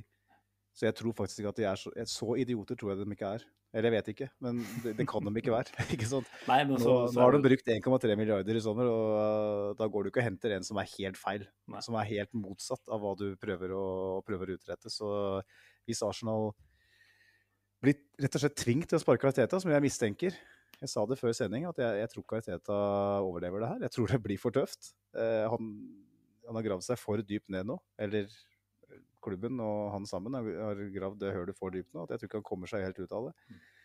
Da må man prøve å finne en som kan jobbe videre med det prosjektet her. Og da, Da tenker jeg mer sånn Graham Potter-opplegg Mm. også, enn Antonio Conte. Ja, Det er jo for så vidt et navn man kan la seg friste av allerede i dag, det. Eh, hva han har fått med Brighton eh, de to-tre sesongene han har vært her, det er ganske imponerende. Eh, men vi trenger ikke å ta altfor mye om hvem skal inn og erstatte. Altså, jeg tenker det blir nok av eh, spekulasjoner rundt det hvis vi ikke, ikke snur dette her. Men du, du sier altså det er jo en brannfakkel. At ikke du tror Arteta blir eh, sittende her ut sesongen, rett og slett. Kanskje ikke til jul engang, hvis jeg tolker det riktig. Nei, jeg tror ikke det. Jeg tror ikke, nå, nå tror jeg at eh, Og det er, det er litt vondt å si det. Eh, og kanskje bør jeg tenke meg litt mer om eh, med tanke på det vi snakka om gjennom hele poden her, at eh, han har faktisk ikke hatt de beste spillerne sine tilgjengelig. Men det, det er et eller annet nå etter så lang tid som får meg til å føle at eh, når han ikke får spillerne sine til Mm. å, å kjempe i en, en så stor kamp som eh, borte mot Manchester City, mot læremesteren sin. Mm. Han har alt å vinne, Mm. nesten ingenting å tape. Allikevel så taper han så det griner, på en måte, sånn, Ja. hvis du ser bort fra resultatet. Det er, eh, og han, han gjør så mange rare valg eh, at jeg blir sånn Dette er en fyr som er i ferd med å gå seg litt bort. Han er en ung, uerfaren manager som ikke har noe reelt støtteapparat rundt seg. Han har ingen leder rundt seg. Han er lederen. Det er han som styrer skuta. Klubben har gjort, en helt, har gjort et slett arbeid. Eh, Et sjokkerende stykke arbeid ved å komme i den posisjonen hvor Ariteta eh, på en måte er den øverste, øverste sportslederen i klubben der. Mm. Edu er ikke det. Han er kanskje på, pi- på, pi- på papiret, men det er, det, er, det er det er han ikke. For han, han, det er Ariteta som styrer. Det er ganske åpenbart. Og en seriøs klubb ville hatt et eh, bærekraftig, langsiktig prosjekt hvor man hadde et apparat rundt hovedtreneren, som Arteta skulle vært, Mm. som sørger for at man ikke er så sårbar, som sørger for at noen forteller han og er i øret på han og forteller han at det her må du justere på, det her må du annerledes. Ja, som spiller han god, rett og slett. da. Altså, Yes. som ikke, Jeg tenker han har fått for mye ansvar, som rett og slett gjør at jeg lurer på om han har hatt nok kapasitet egentlig til å fokusere på sine hovedarbeidsoppgaver. Og at det har blitt et rotete opplegg. altså Helt fra dette med at eh, det var Arteta som måtte inn og ta praten med spilleren om lønnskutt eh, når covid kom. ikke sant? Altså, Yes. Det ble en måte å blande sammen hans rolle som den som skal få ut prestasjoner av gruppa, da, med, med helt andre oppgaver som han burde vært uh, sluppet uh, rett og slett unna. Så nei, det er uh, Om det er noen broer som har brent og ikke er mulig å gjenopprette, det, det er ikke helt umulig. Om det man Nei. ikke kommer fram i form av at spillerne er aktivt ute og sier at dette her funker ikke, så, så kan det hende det sitter eh, både en og to negative tanker om Arteta i underbevisstheten som gjør at ikke man eh, tar med seg hele innsatsen ut på banen, da, som man må for å overleve i Premier League. Nei, jeg tenker jo at uh, om det ikke går for Arteta, så kommer jeg ikke til å klandre han uh, i det hele tatt. Jeg kommer til å fortsette å ha sansen for Arteta og troen på Arteta som Mm.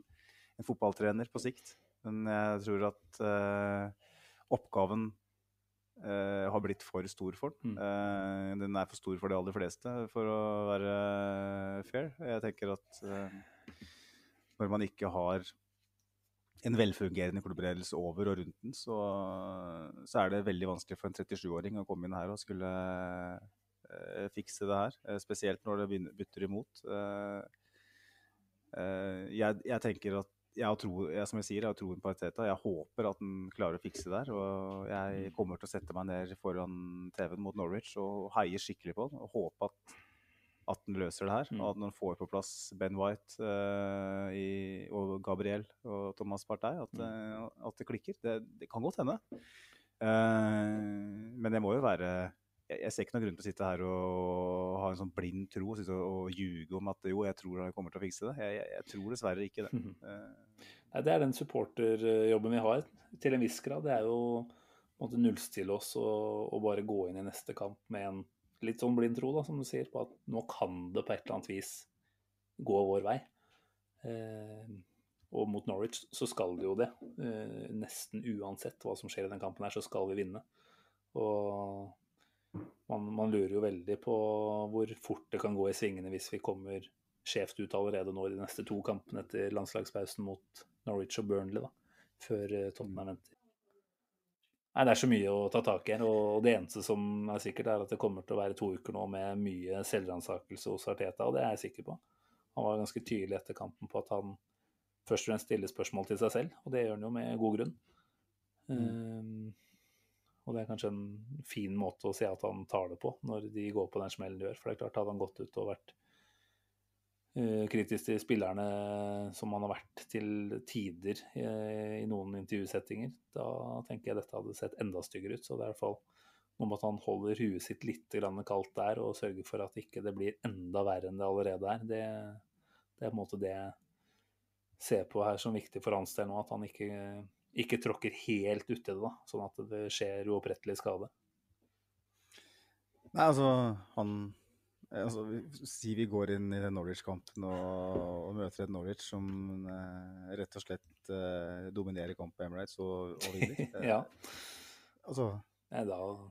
altså Jeg vet jo at man ikke kan sparke manager til fire kamper, men det er noe med at Kan man fortsette? Mm. er det et godt spørsmål? Jeg tenker at vi jeg, jeg, har på en måte ikke lyst til å ta den spekulasjonen der nå. Det, det kjenner at det Nei, jeg skjønner det. ja, nei, Både for vår del og for jeg tror det er mange lyttere der som trenger at vi ikke går inn og tar, tar de negative tinga på forskudd der. Nå er det som sagt det er to uker landslagspause. Vi må prøve å finne noen halmstrå å gripe litt fatt i på hvorfor dette her kan bli bedre. Mm.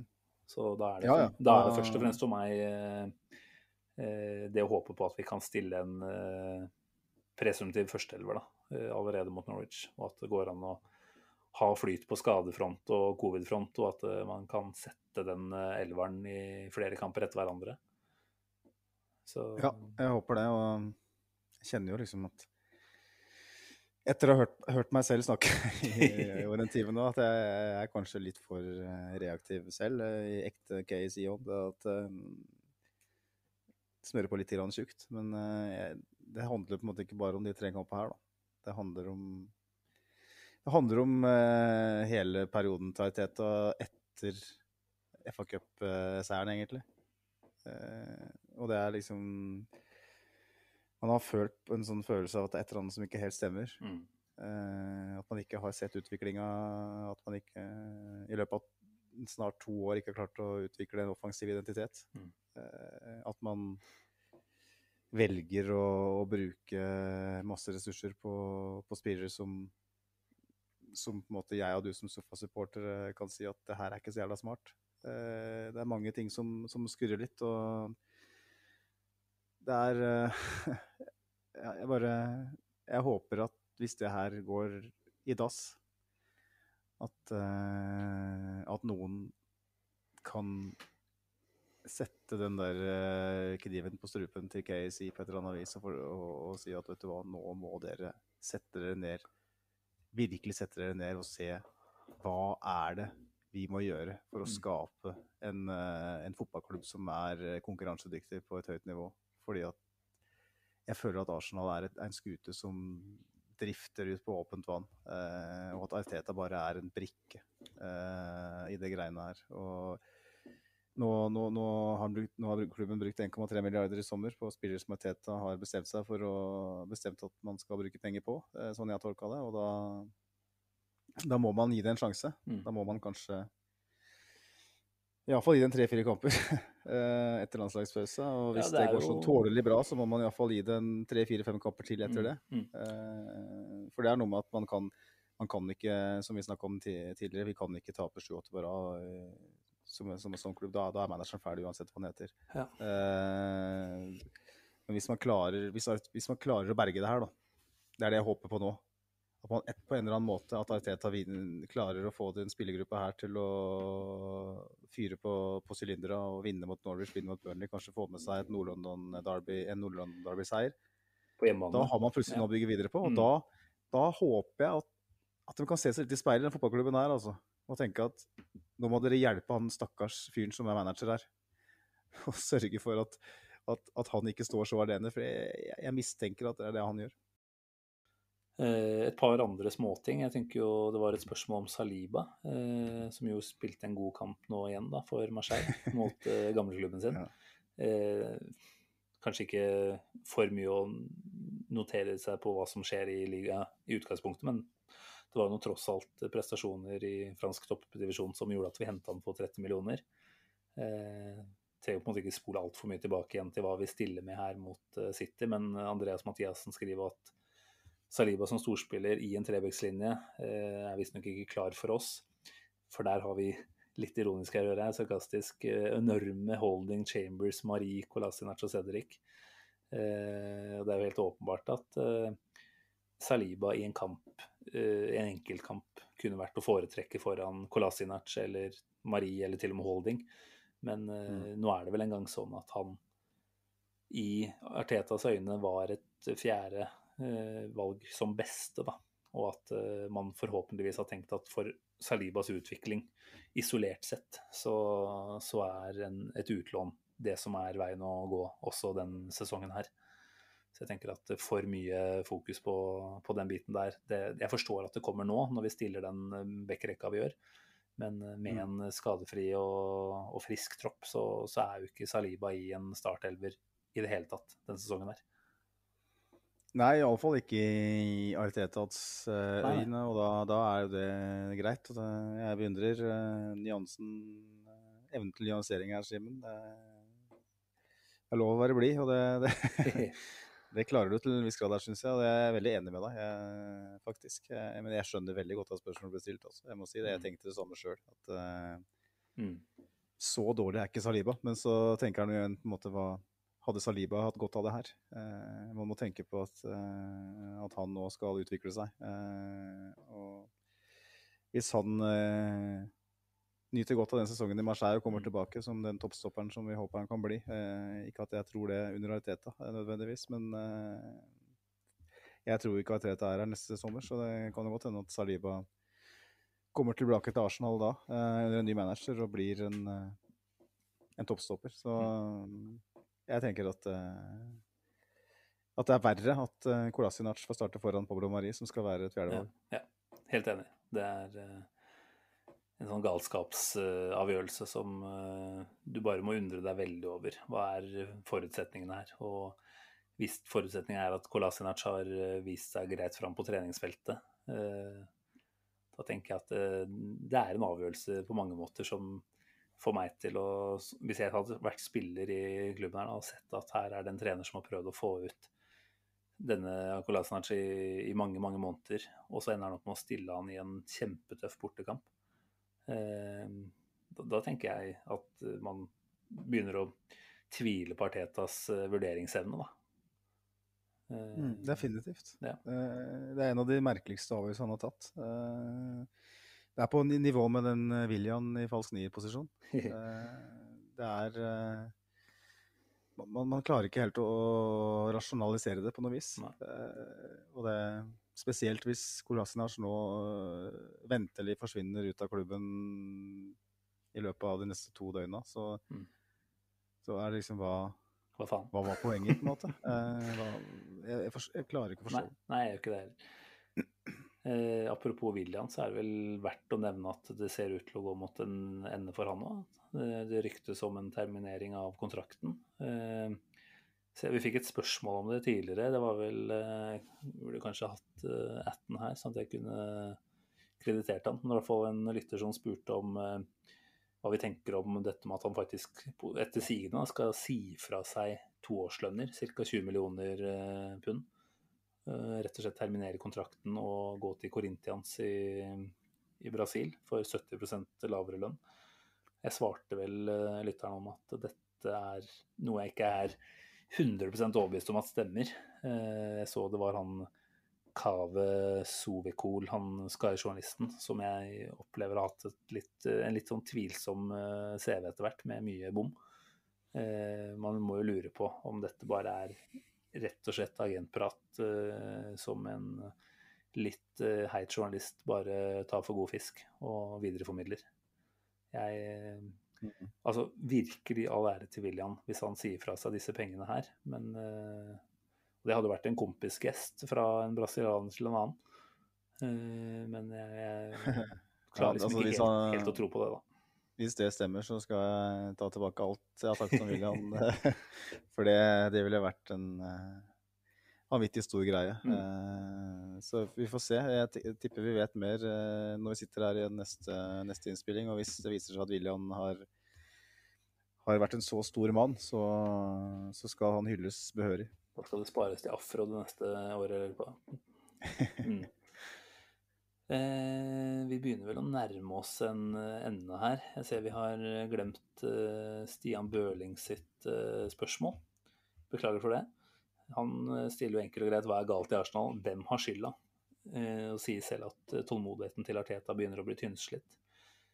Hvis du skulle fordelt skyld prosentvis eh, Hvis vi sier vi har eiere, vi har manager, eh, vi har spillergruppa, da. Hvis vi kan, og, da når jeg sier spillergruppe, så tenker jeg eh, kul eh, øvelse, ja. ja.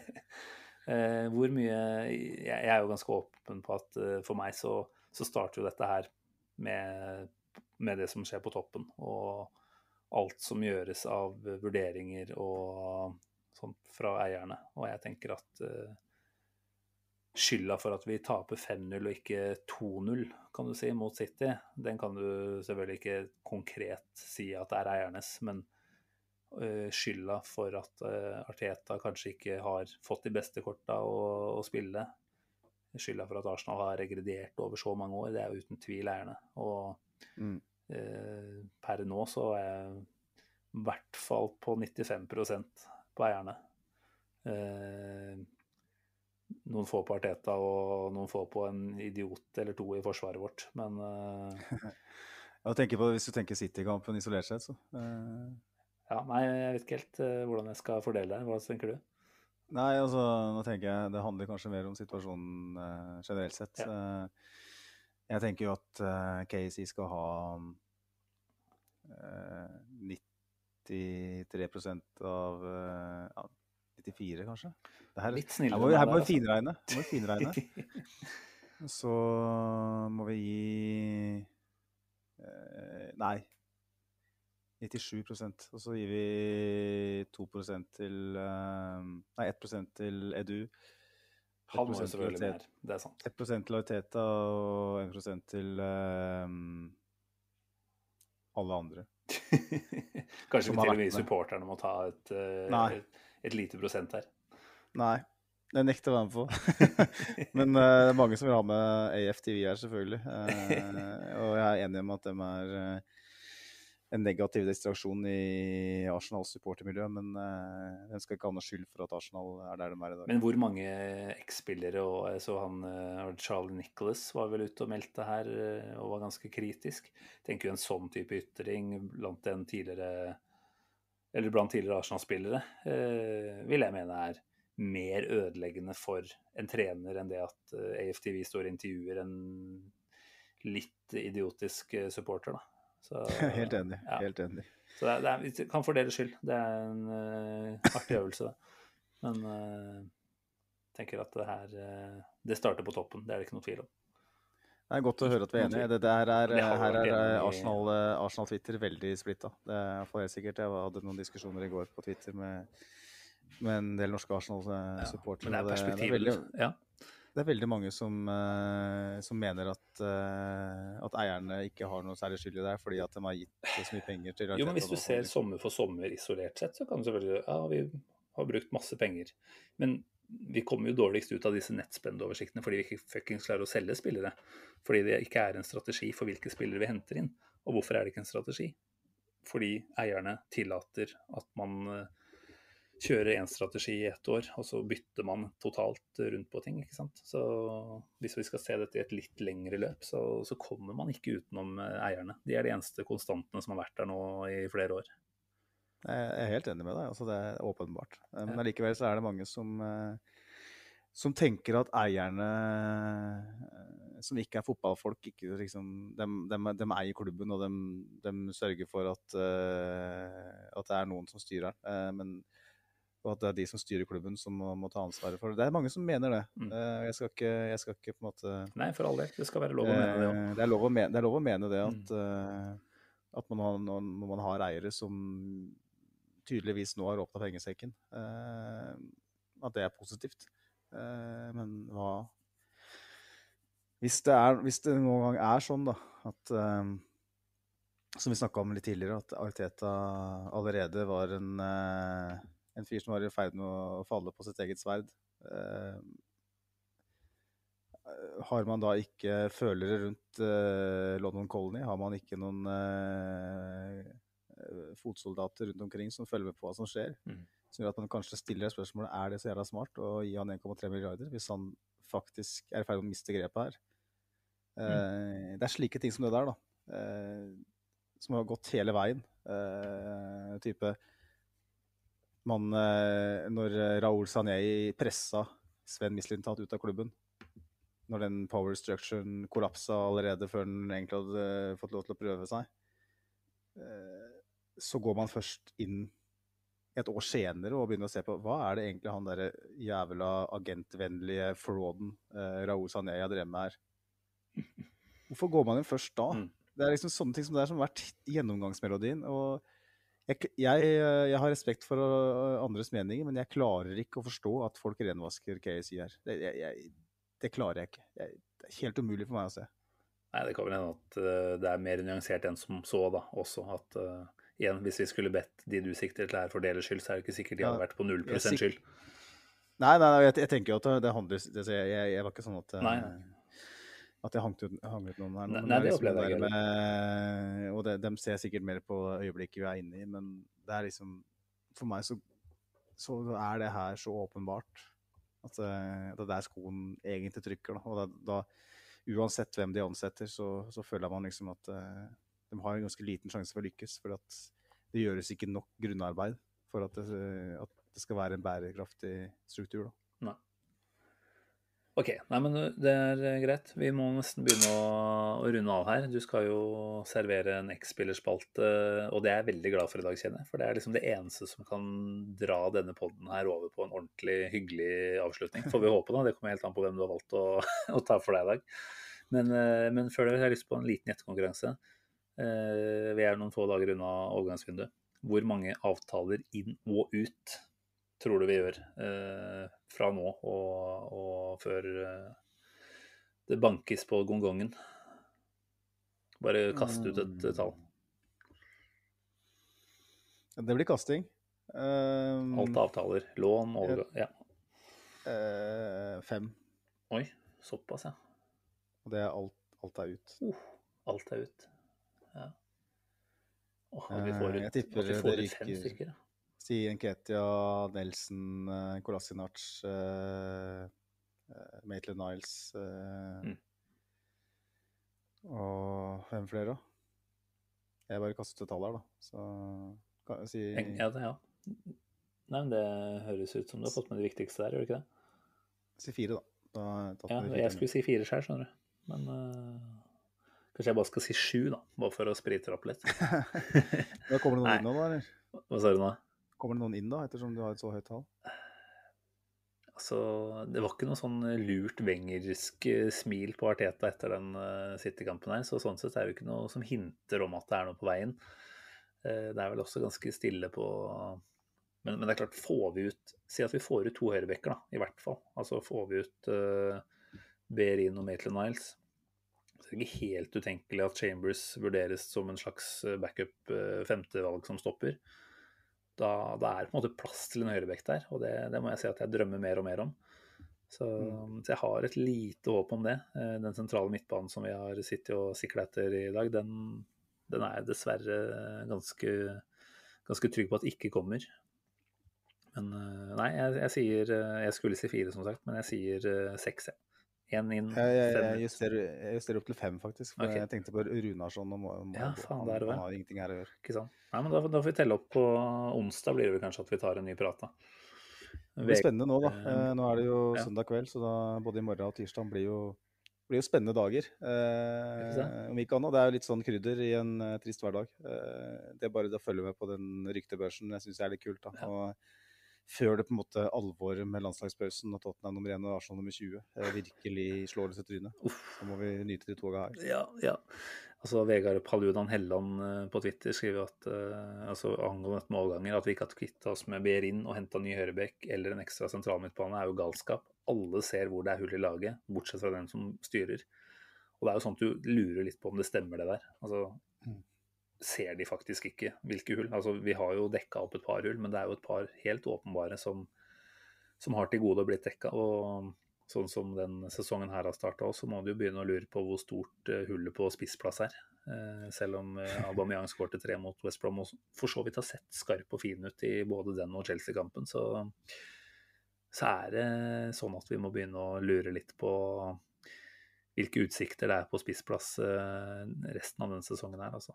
Det er, jo, det er jo, Det er jo på en måte et, et Twitter-spørsmål som Eller Twitter-kommentar fra Vegard som man kunne ha stilt uh, for ti år siden òg. Uh, dette har jo vært uh, veldig klassisk Arsenal, spesielt under Wenger, hvor, hvor, vi satt og bare lurte på hvorfor i granskauen har man ikke henta en spiller i den posisjonen. Det er så tydelig. og det så jeg, tipper jo at det er sånn i ganske mange klubber. Jeg tror ikke det er så, alltid er så lett, men uh, jeg tenker når man går ut så hardt som Arsenal gjorde det i overgangsvinduet her, uh, og det er så åpenbart at nå venter, venter en kompromissløs og stor uh, renovering av stallen, så, så har man kanskje ikke vært like Har man ikke vært flink nok i identifiseringen av spillere, kanskje, da, til å finne de spillere som kan gå inn i de, i de posisjonene. Jeg mm. tenker, har man, har man kanskje hatt noen litt sånn erfarne, rutinerte spillere på blokka som man kanskje har kvia seg litt for å signere? Litt fordi at man er litt brent nå etter å ha gjort så mange dyre feil? Eh, jeg vet ikke, men eh, for meg jo fremstår det som Den høyreback-posisjonen forstår jeg eh, til en viss grad, fordi at hvor mange høyrebacker skal man ha, da? Eh, jeg, jeg, tror både Cedric Chambers og Maitland Nei, Cedric Chambers og Bayrin er vanskelig å kvitte seg med. Jeg tipper Maitland Nice uh, stikker. Mm. Uh, men sitter man igjen med tre høyrebekker, og så henter man en fjerde Kanskje man må én sitte Må én havne i en posisjon hvor man ikke blir registrert i Premier League-troppen. det, det, det, det, er liksom igjen det, det der med at vi prøvde å kvitte oss. altså at vi sitter der to sesonger på rad med den type situasjon, det er, eh, det er nok en gang helt utilgivelig i så fall.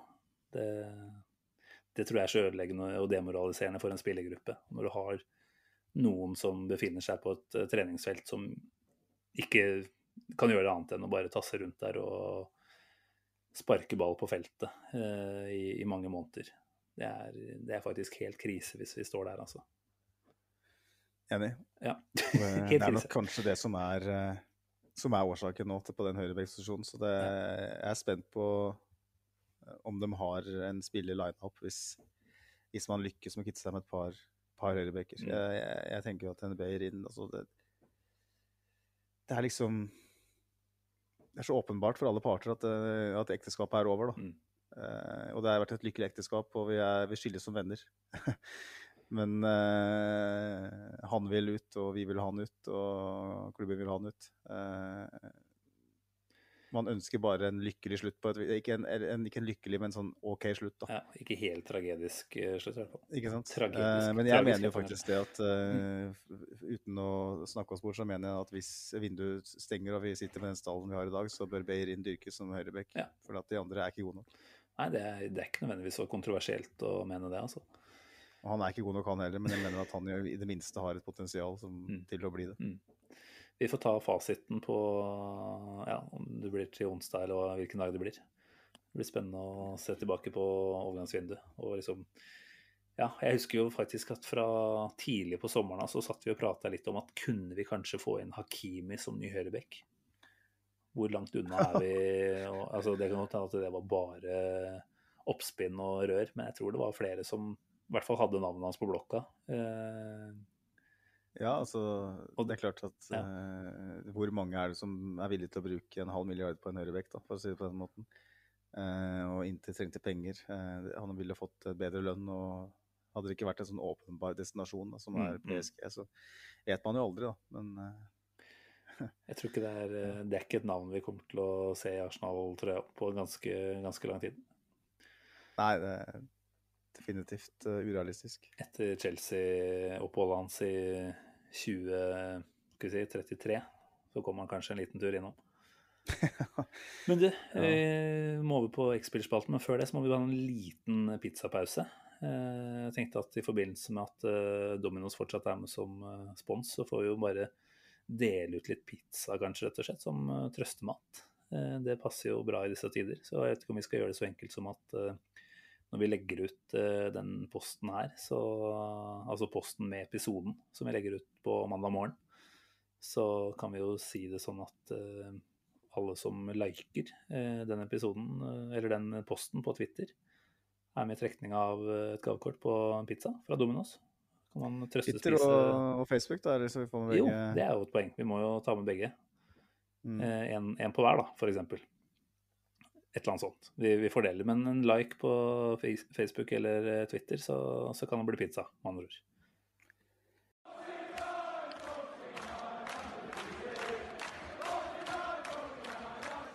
Wall Trafford 24.10.2004.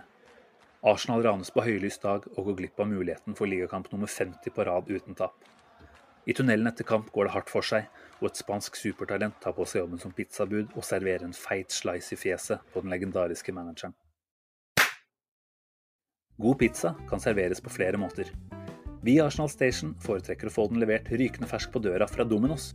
For hva er vel bedre enn å slå seg ned i sofaen med Arsenal-kamp og en deilig pizza med mengder av fyll og ost? Bestill din favoritt på dominos.no.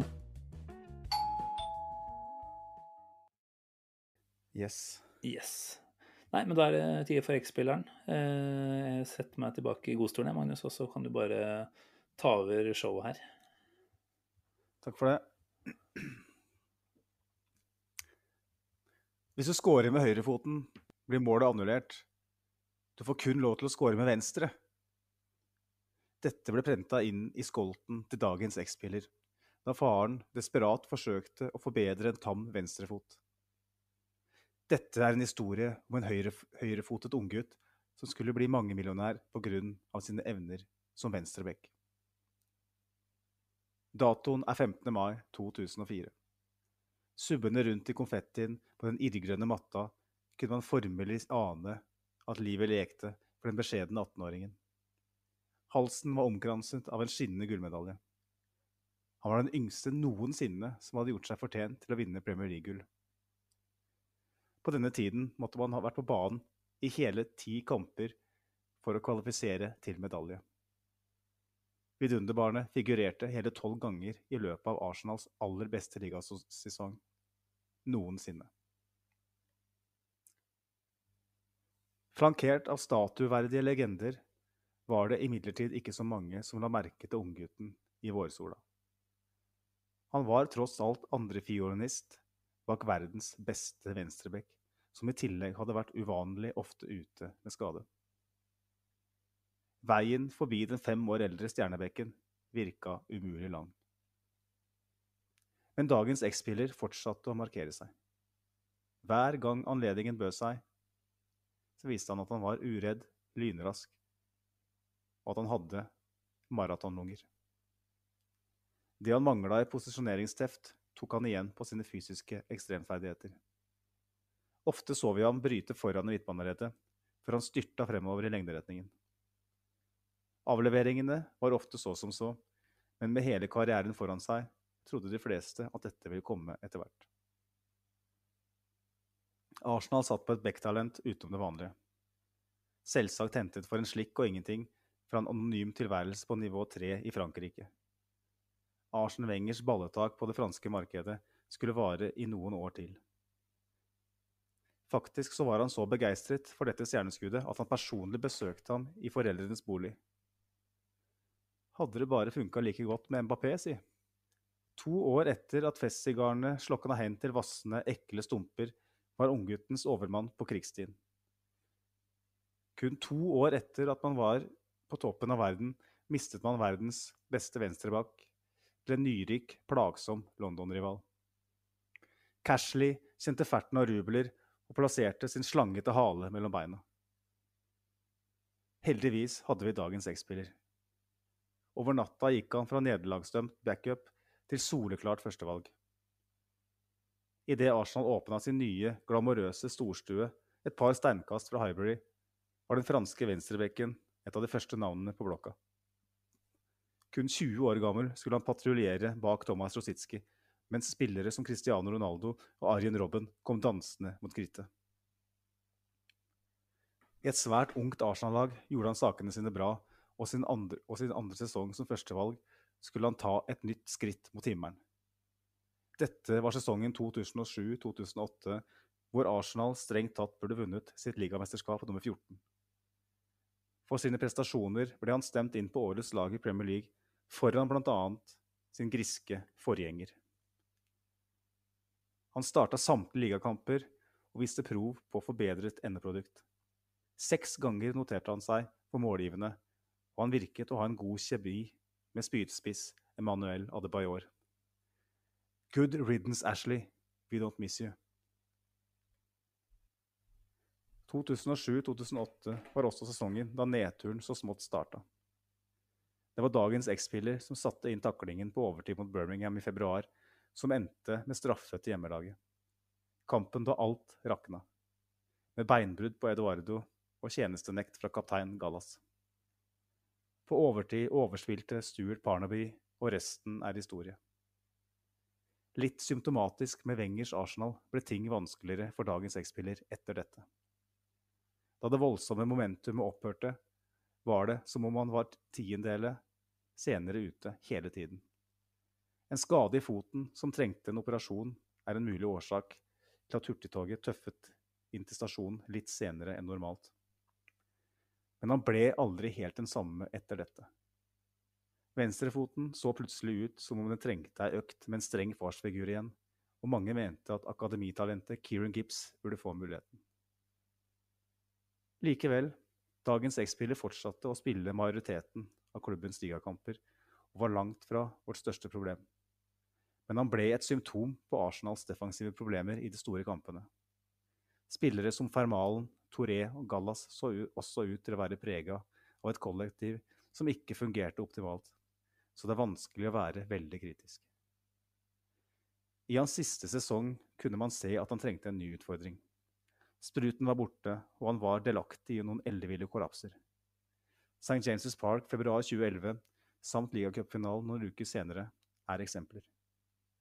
Det var få, derfor få som rasla med sabler da Wenger lot ham gå til en nyrik, blåkledd rival sommeren 2011. I motsetning til sin forgjenger vinka han farvel med fansens velsignelse. Og selv om han aldri var i nærheten av å fylle de urettferdig store skoene til Ashley Cole, husker vi med glede tilbake på vår yngste ligavinner. Vår yngste Invincible, Gael Clichy. Det var ny info for meg. Det var faktisk yngstemann i den troppen der. Men eh, jeg var litt usikker på hvem vi sikta til først her. Men med en gang vi skulle peile oss inn på venstrebekken, så var det ikke noe tvil. Det var en uh, tidlig favoritt. Jeg faktisk. Jeg hadde, husker jeg hadde den blå bortedrakta som jeg hadde vel på sånn, var det 08-09 eller noe sånt. Den uh, hadde jeg Clichy 22 bakpå. Det var Nei, ja, jeg likte han. Bortsett fra et par av de litt dårlige og famøse kampene som du sikta til. Da. Og det er jo særlig dette mot Birmingham som sitter igjen, da. Det, er, det var jo det. Ja, jeg, jeg opplevde jo at han var en i mitt hode en litt sånn klønete type framover, nei, bakover også, jeg, da. At det var, det var ikke alltid huet var helt på plass, men det var kanskje først og fremst etter 07-08 og framover, det, da. Ja, jeg følte at han hadde en veldig klar progresjon, han, men han ble på en måte aldri noe mer enn det der store talentet. Eh, med den farten og den evnen til å bryte foran og, og gå framover.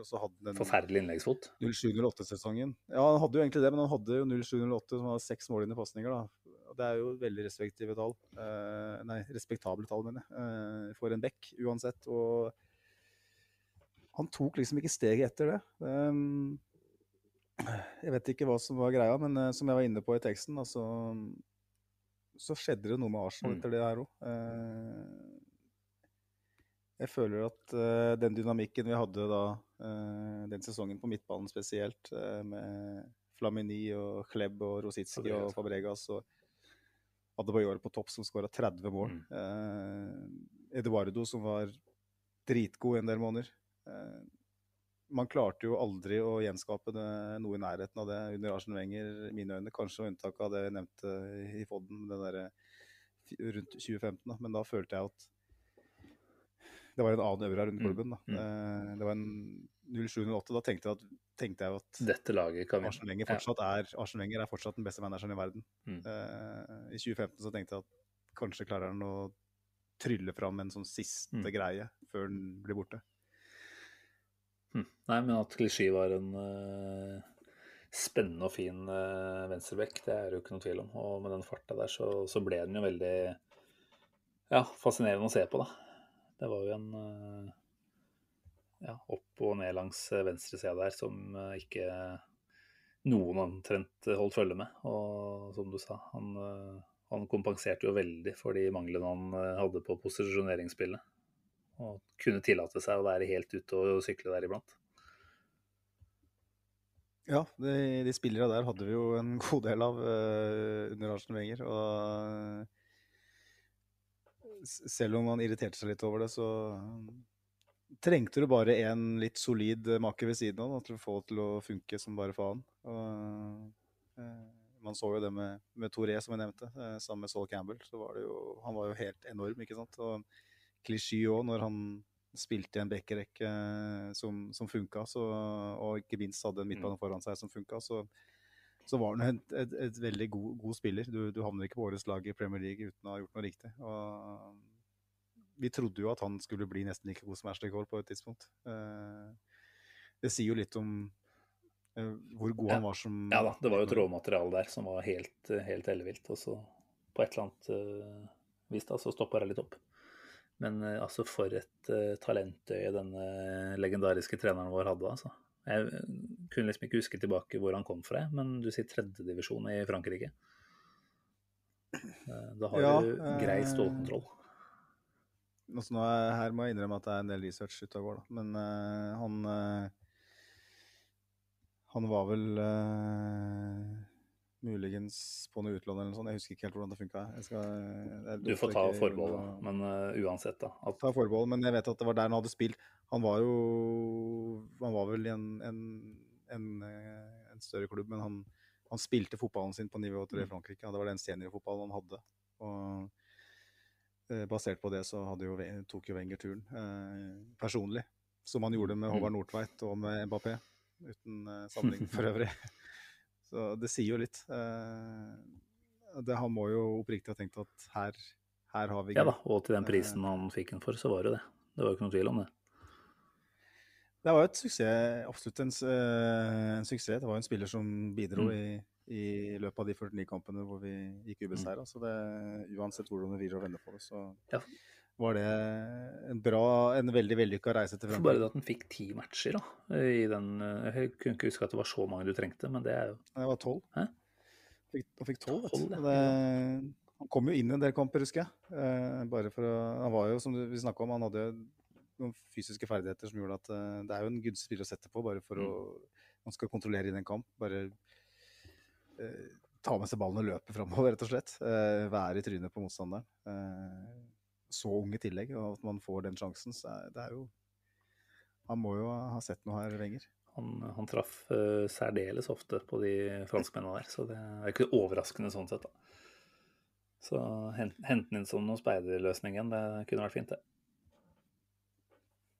Ja, det var gøy, det. Ja, nei, men uh, sweet levert, eh, Magnus, som det alltid er. Takk for det. Skal vi runde av der, eller? Ja. Nevner bare igjen at vi tar en uh, prat etter overgangsvinduet er stengt. Om det blir onsdag eller Jeg, jeg tviler på at vi sitter her og direkte uh, overfører uh, innspurten på tirsdag aften. Men en liten oppsummering på onsdag, det, det må vi ta oss tid til. Ja, vi får se. Onsdag eller et torsdag etter da. I løpet av de nesten nærmeste daga. Livet skjer på utsida av podverdenen nå, gjør det ikke det? Så vi får, vi får ta noen forbehold der.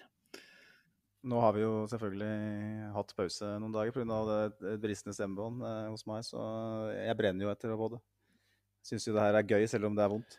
litt godt er det òg, tross alt å få, få prata det ut av systemet. Så vi får håpe at eh, dere som hører på, føler litt av det samme. At det hjelper å ja, prosessere dette her sammen med andre. Ikke bare sitte inne med det på egen hånd. Det, det, er ofte sånn det er med følelser, vet du, at man trenger å, trenger å snakke høyt om det. Vi er nok ikke psykologer, men eh, jeg håper at, eh, at ved det å høre på podkasten, at man kan kjenne seg litt igjen eh, og tenke at man er ikke alene i verden. Det er lov å være blid. Det er lov å være blid. Håper alle får en særdeles god uke. En deilig landslagspause. Kos dere uten Arsenal neste uke. Nei da. Nei da, jeg tenker at vi, vi, får begynne å glede oss til det som skal skje på Emirates om to uker allerede nå. Så, så bygger vi opp en sånn positiv aura rundt den kampen her, og så blir det blir det starten på comebacket for Artetas del. Vi håper det. Nei, men eh, Takk for at uh, dere lytter på. Uh, vi setter veldig veldig stor pris på det. Uh, veldig gøy at vi har med så mange faste lyttere. Og til dere som stiller spørsmål, tusen hjertelig takk for det. Bare fortsett med det. Om du fortsatt ikke har vært inne og fulgt oss på Twitter eller Facebook, så kan vi for så vidt anbefale å gjøre det òg. Så er det enda lettere å kommunisere med oss. Så får vi bare si, Magnus, at vi, vi gleder oss til uh, ny prat om noen få dager. Uh, så høres vi om ikke altfor lenge. Ha det bra. Ha det.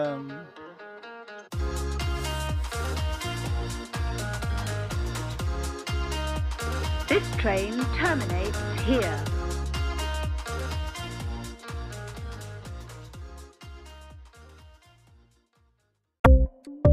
Ukens annonsør er HelloFresh. HelloFresh er verdens ledende matkasseleverandør og kan være redningen i en travel hverdag. Mange av oss har nok vandret i butikken både sultne og uten en plan for middagen, som ender med at vi går for de samme kjedelige rettene gang på gang.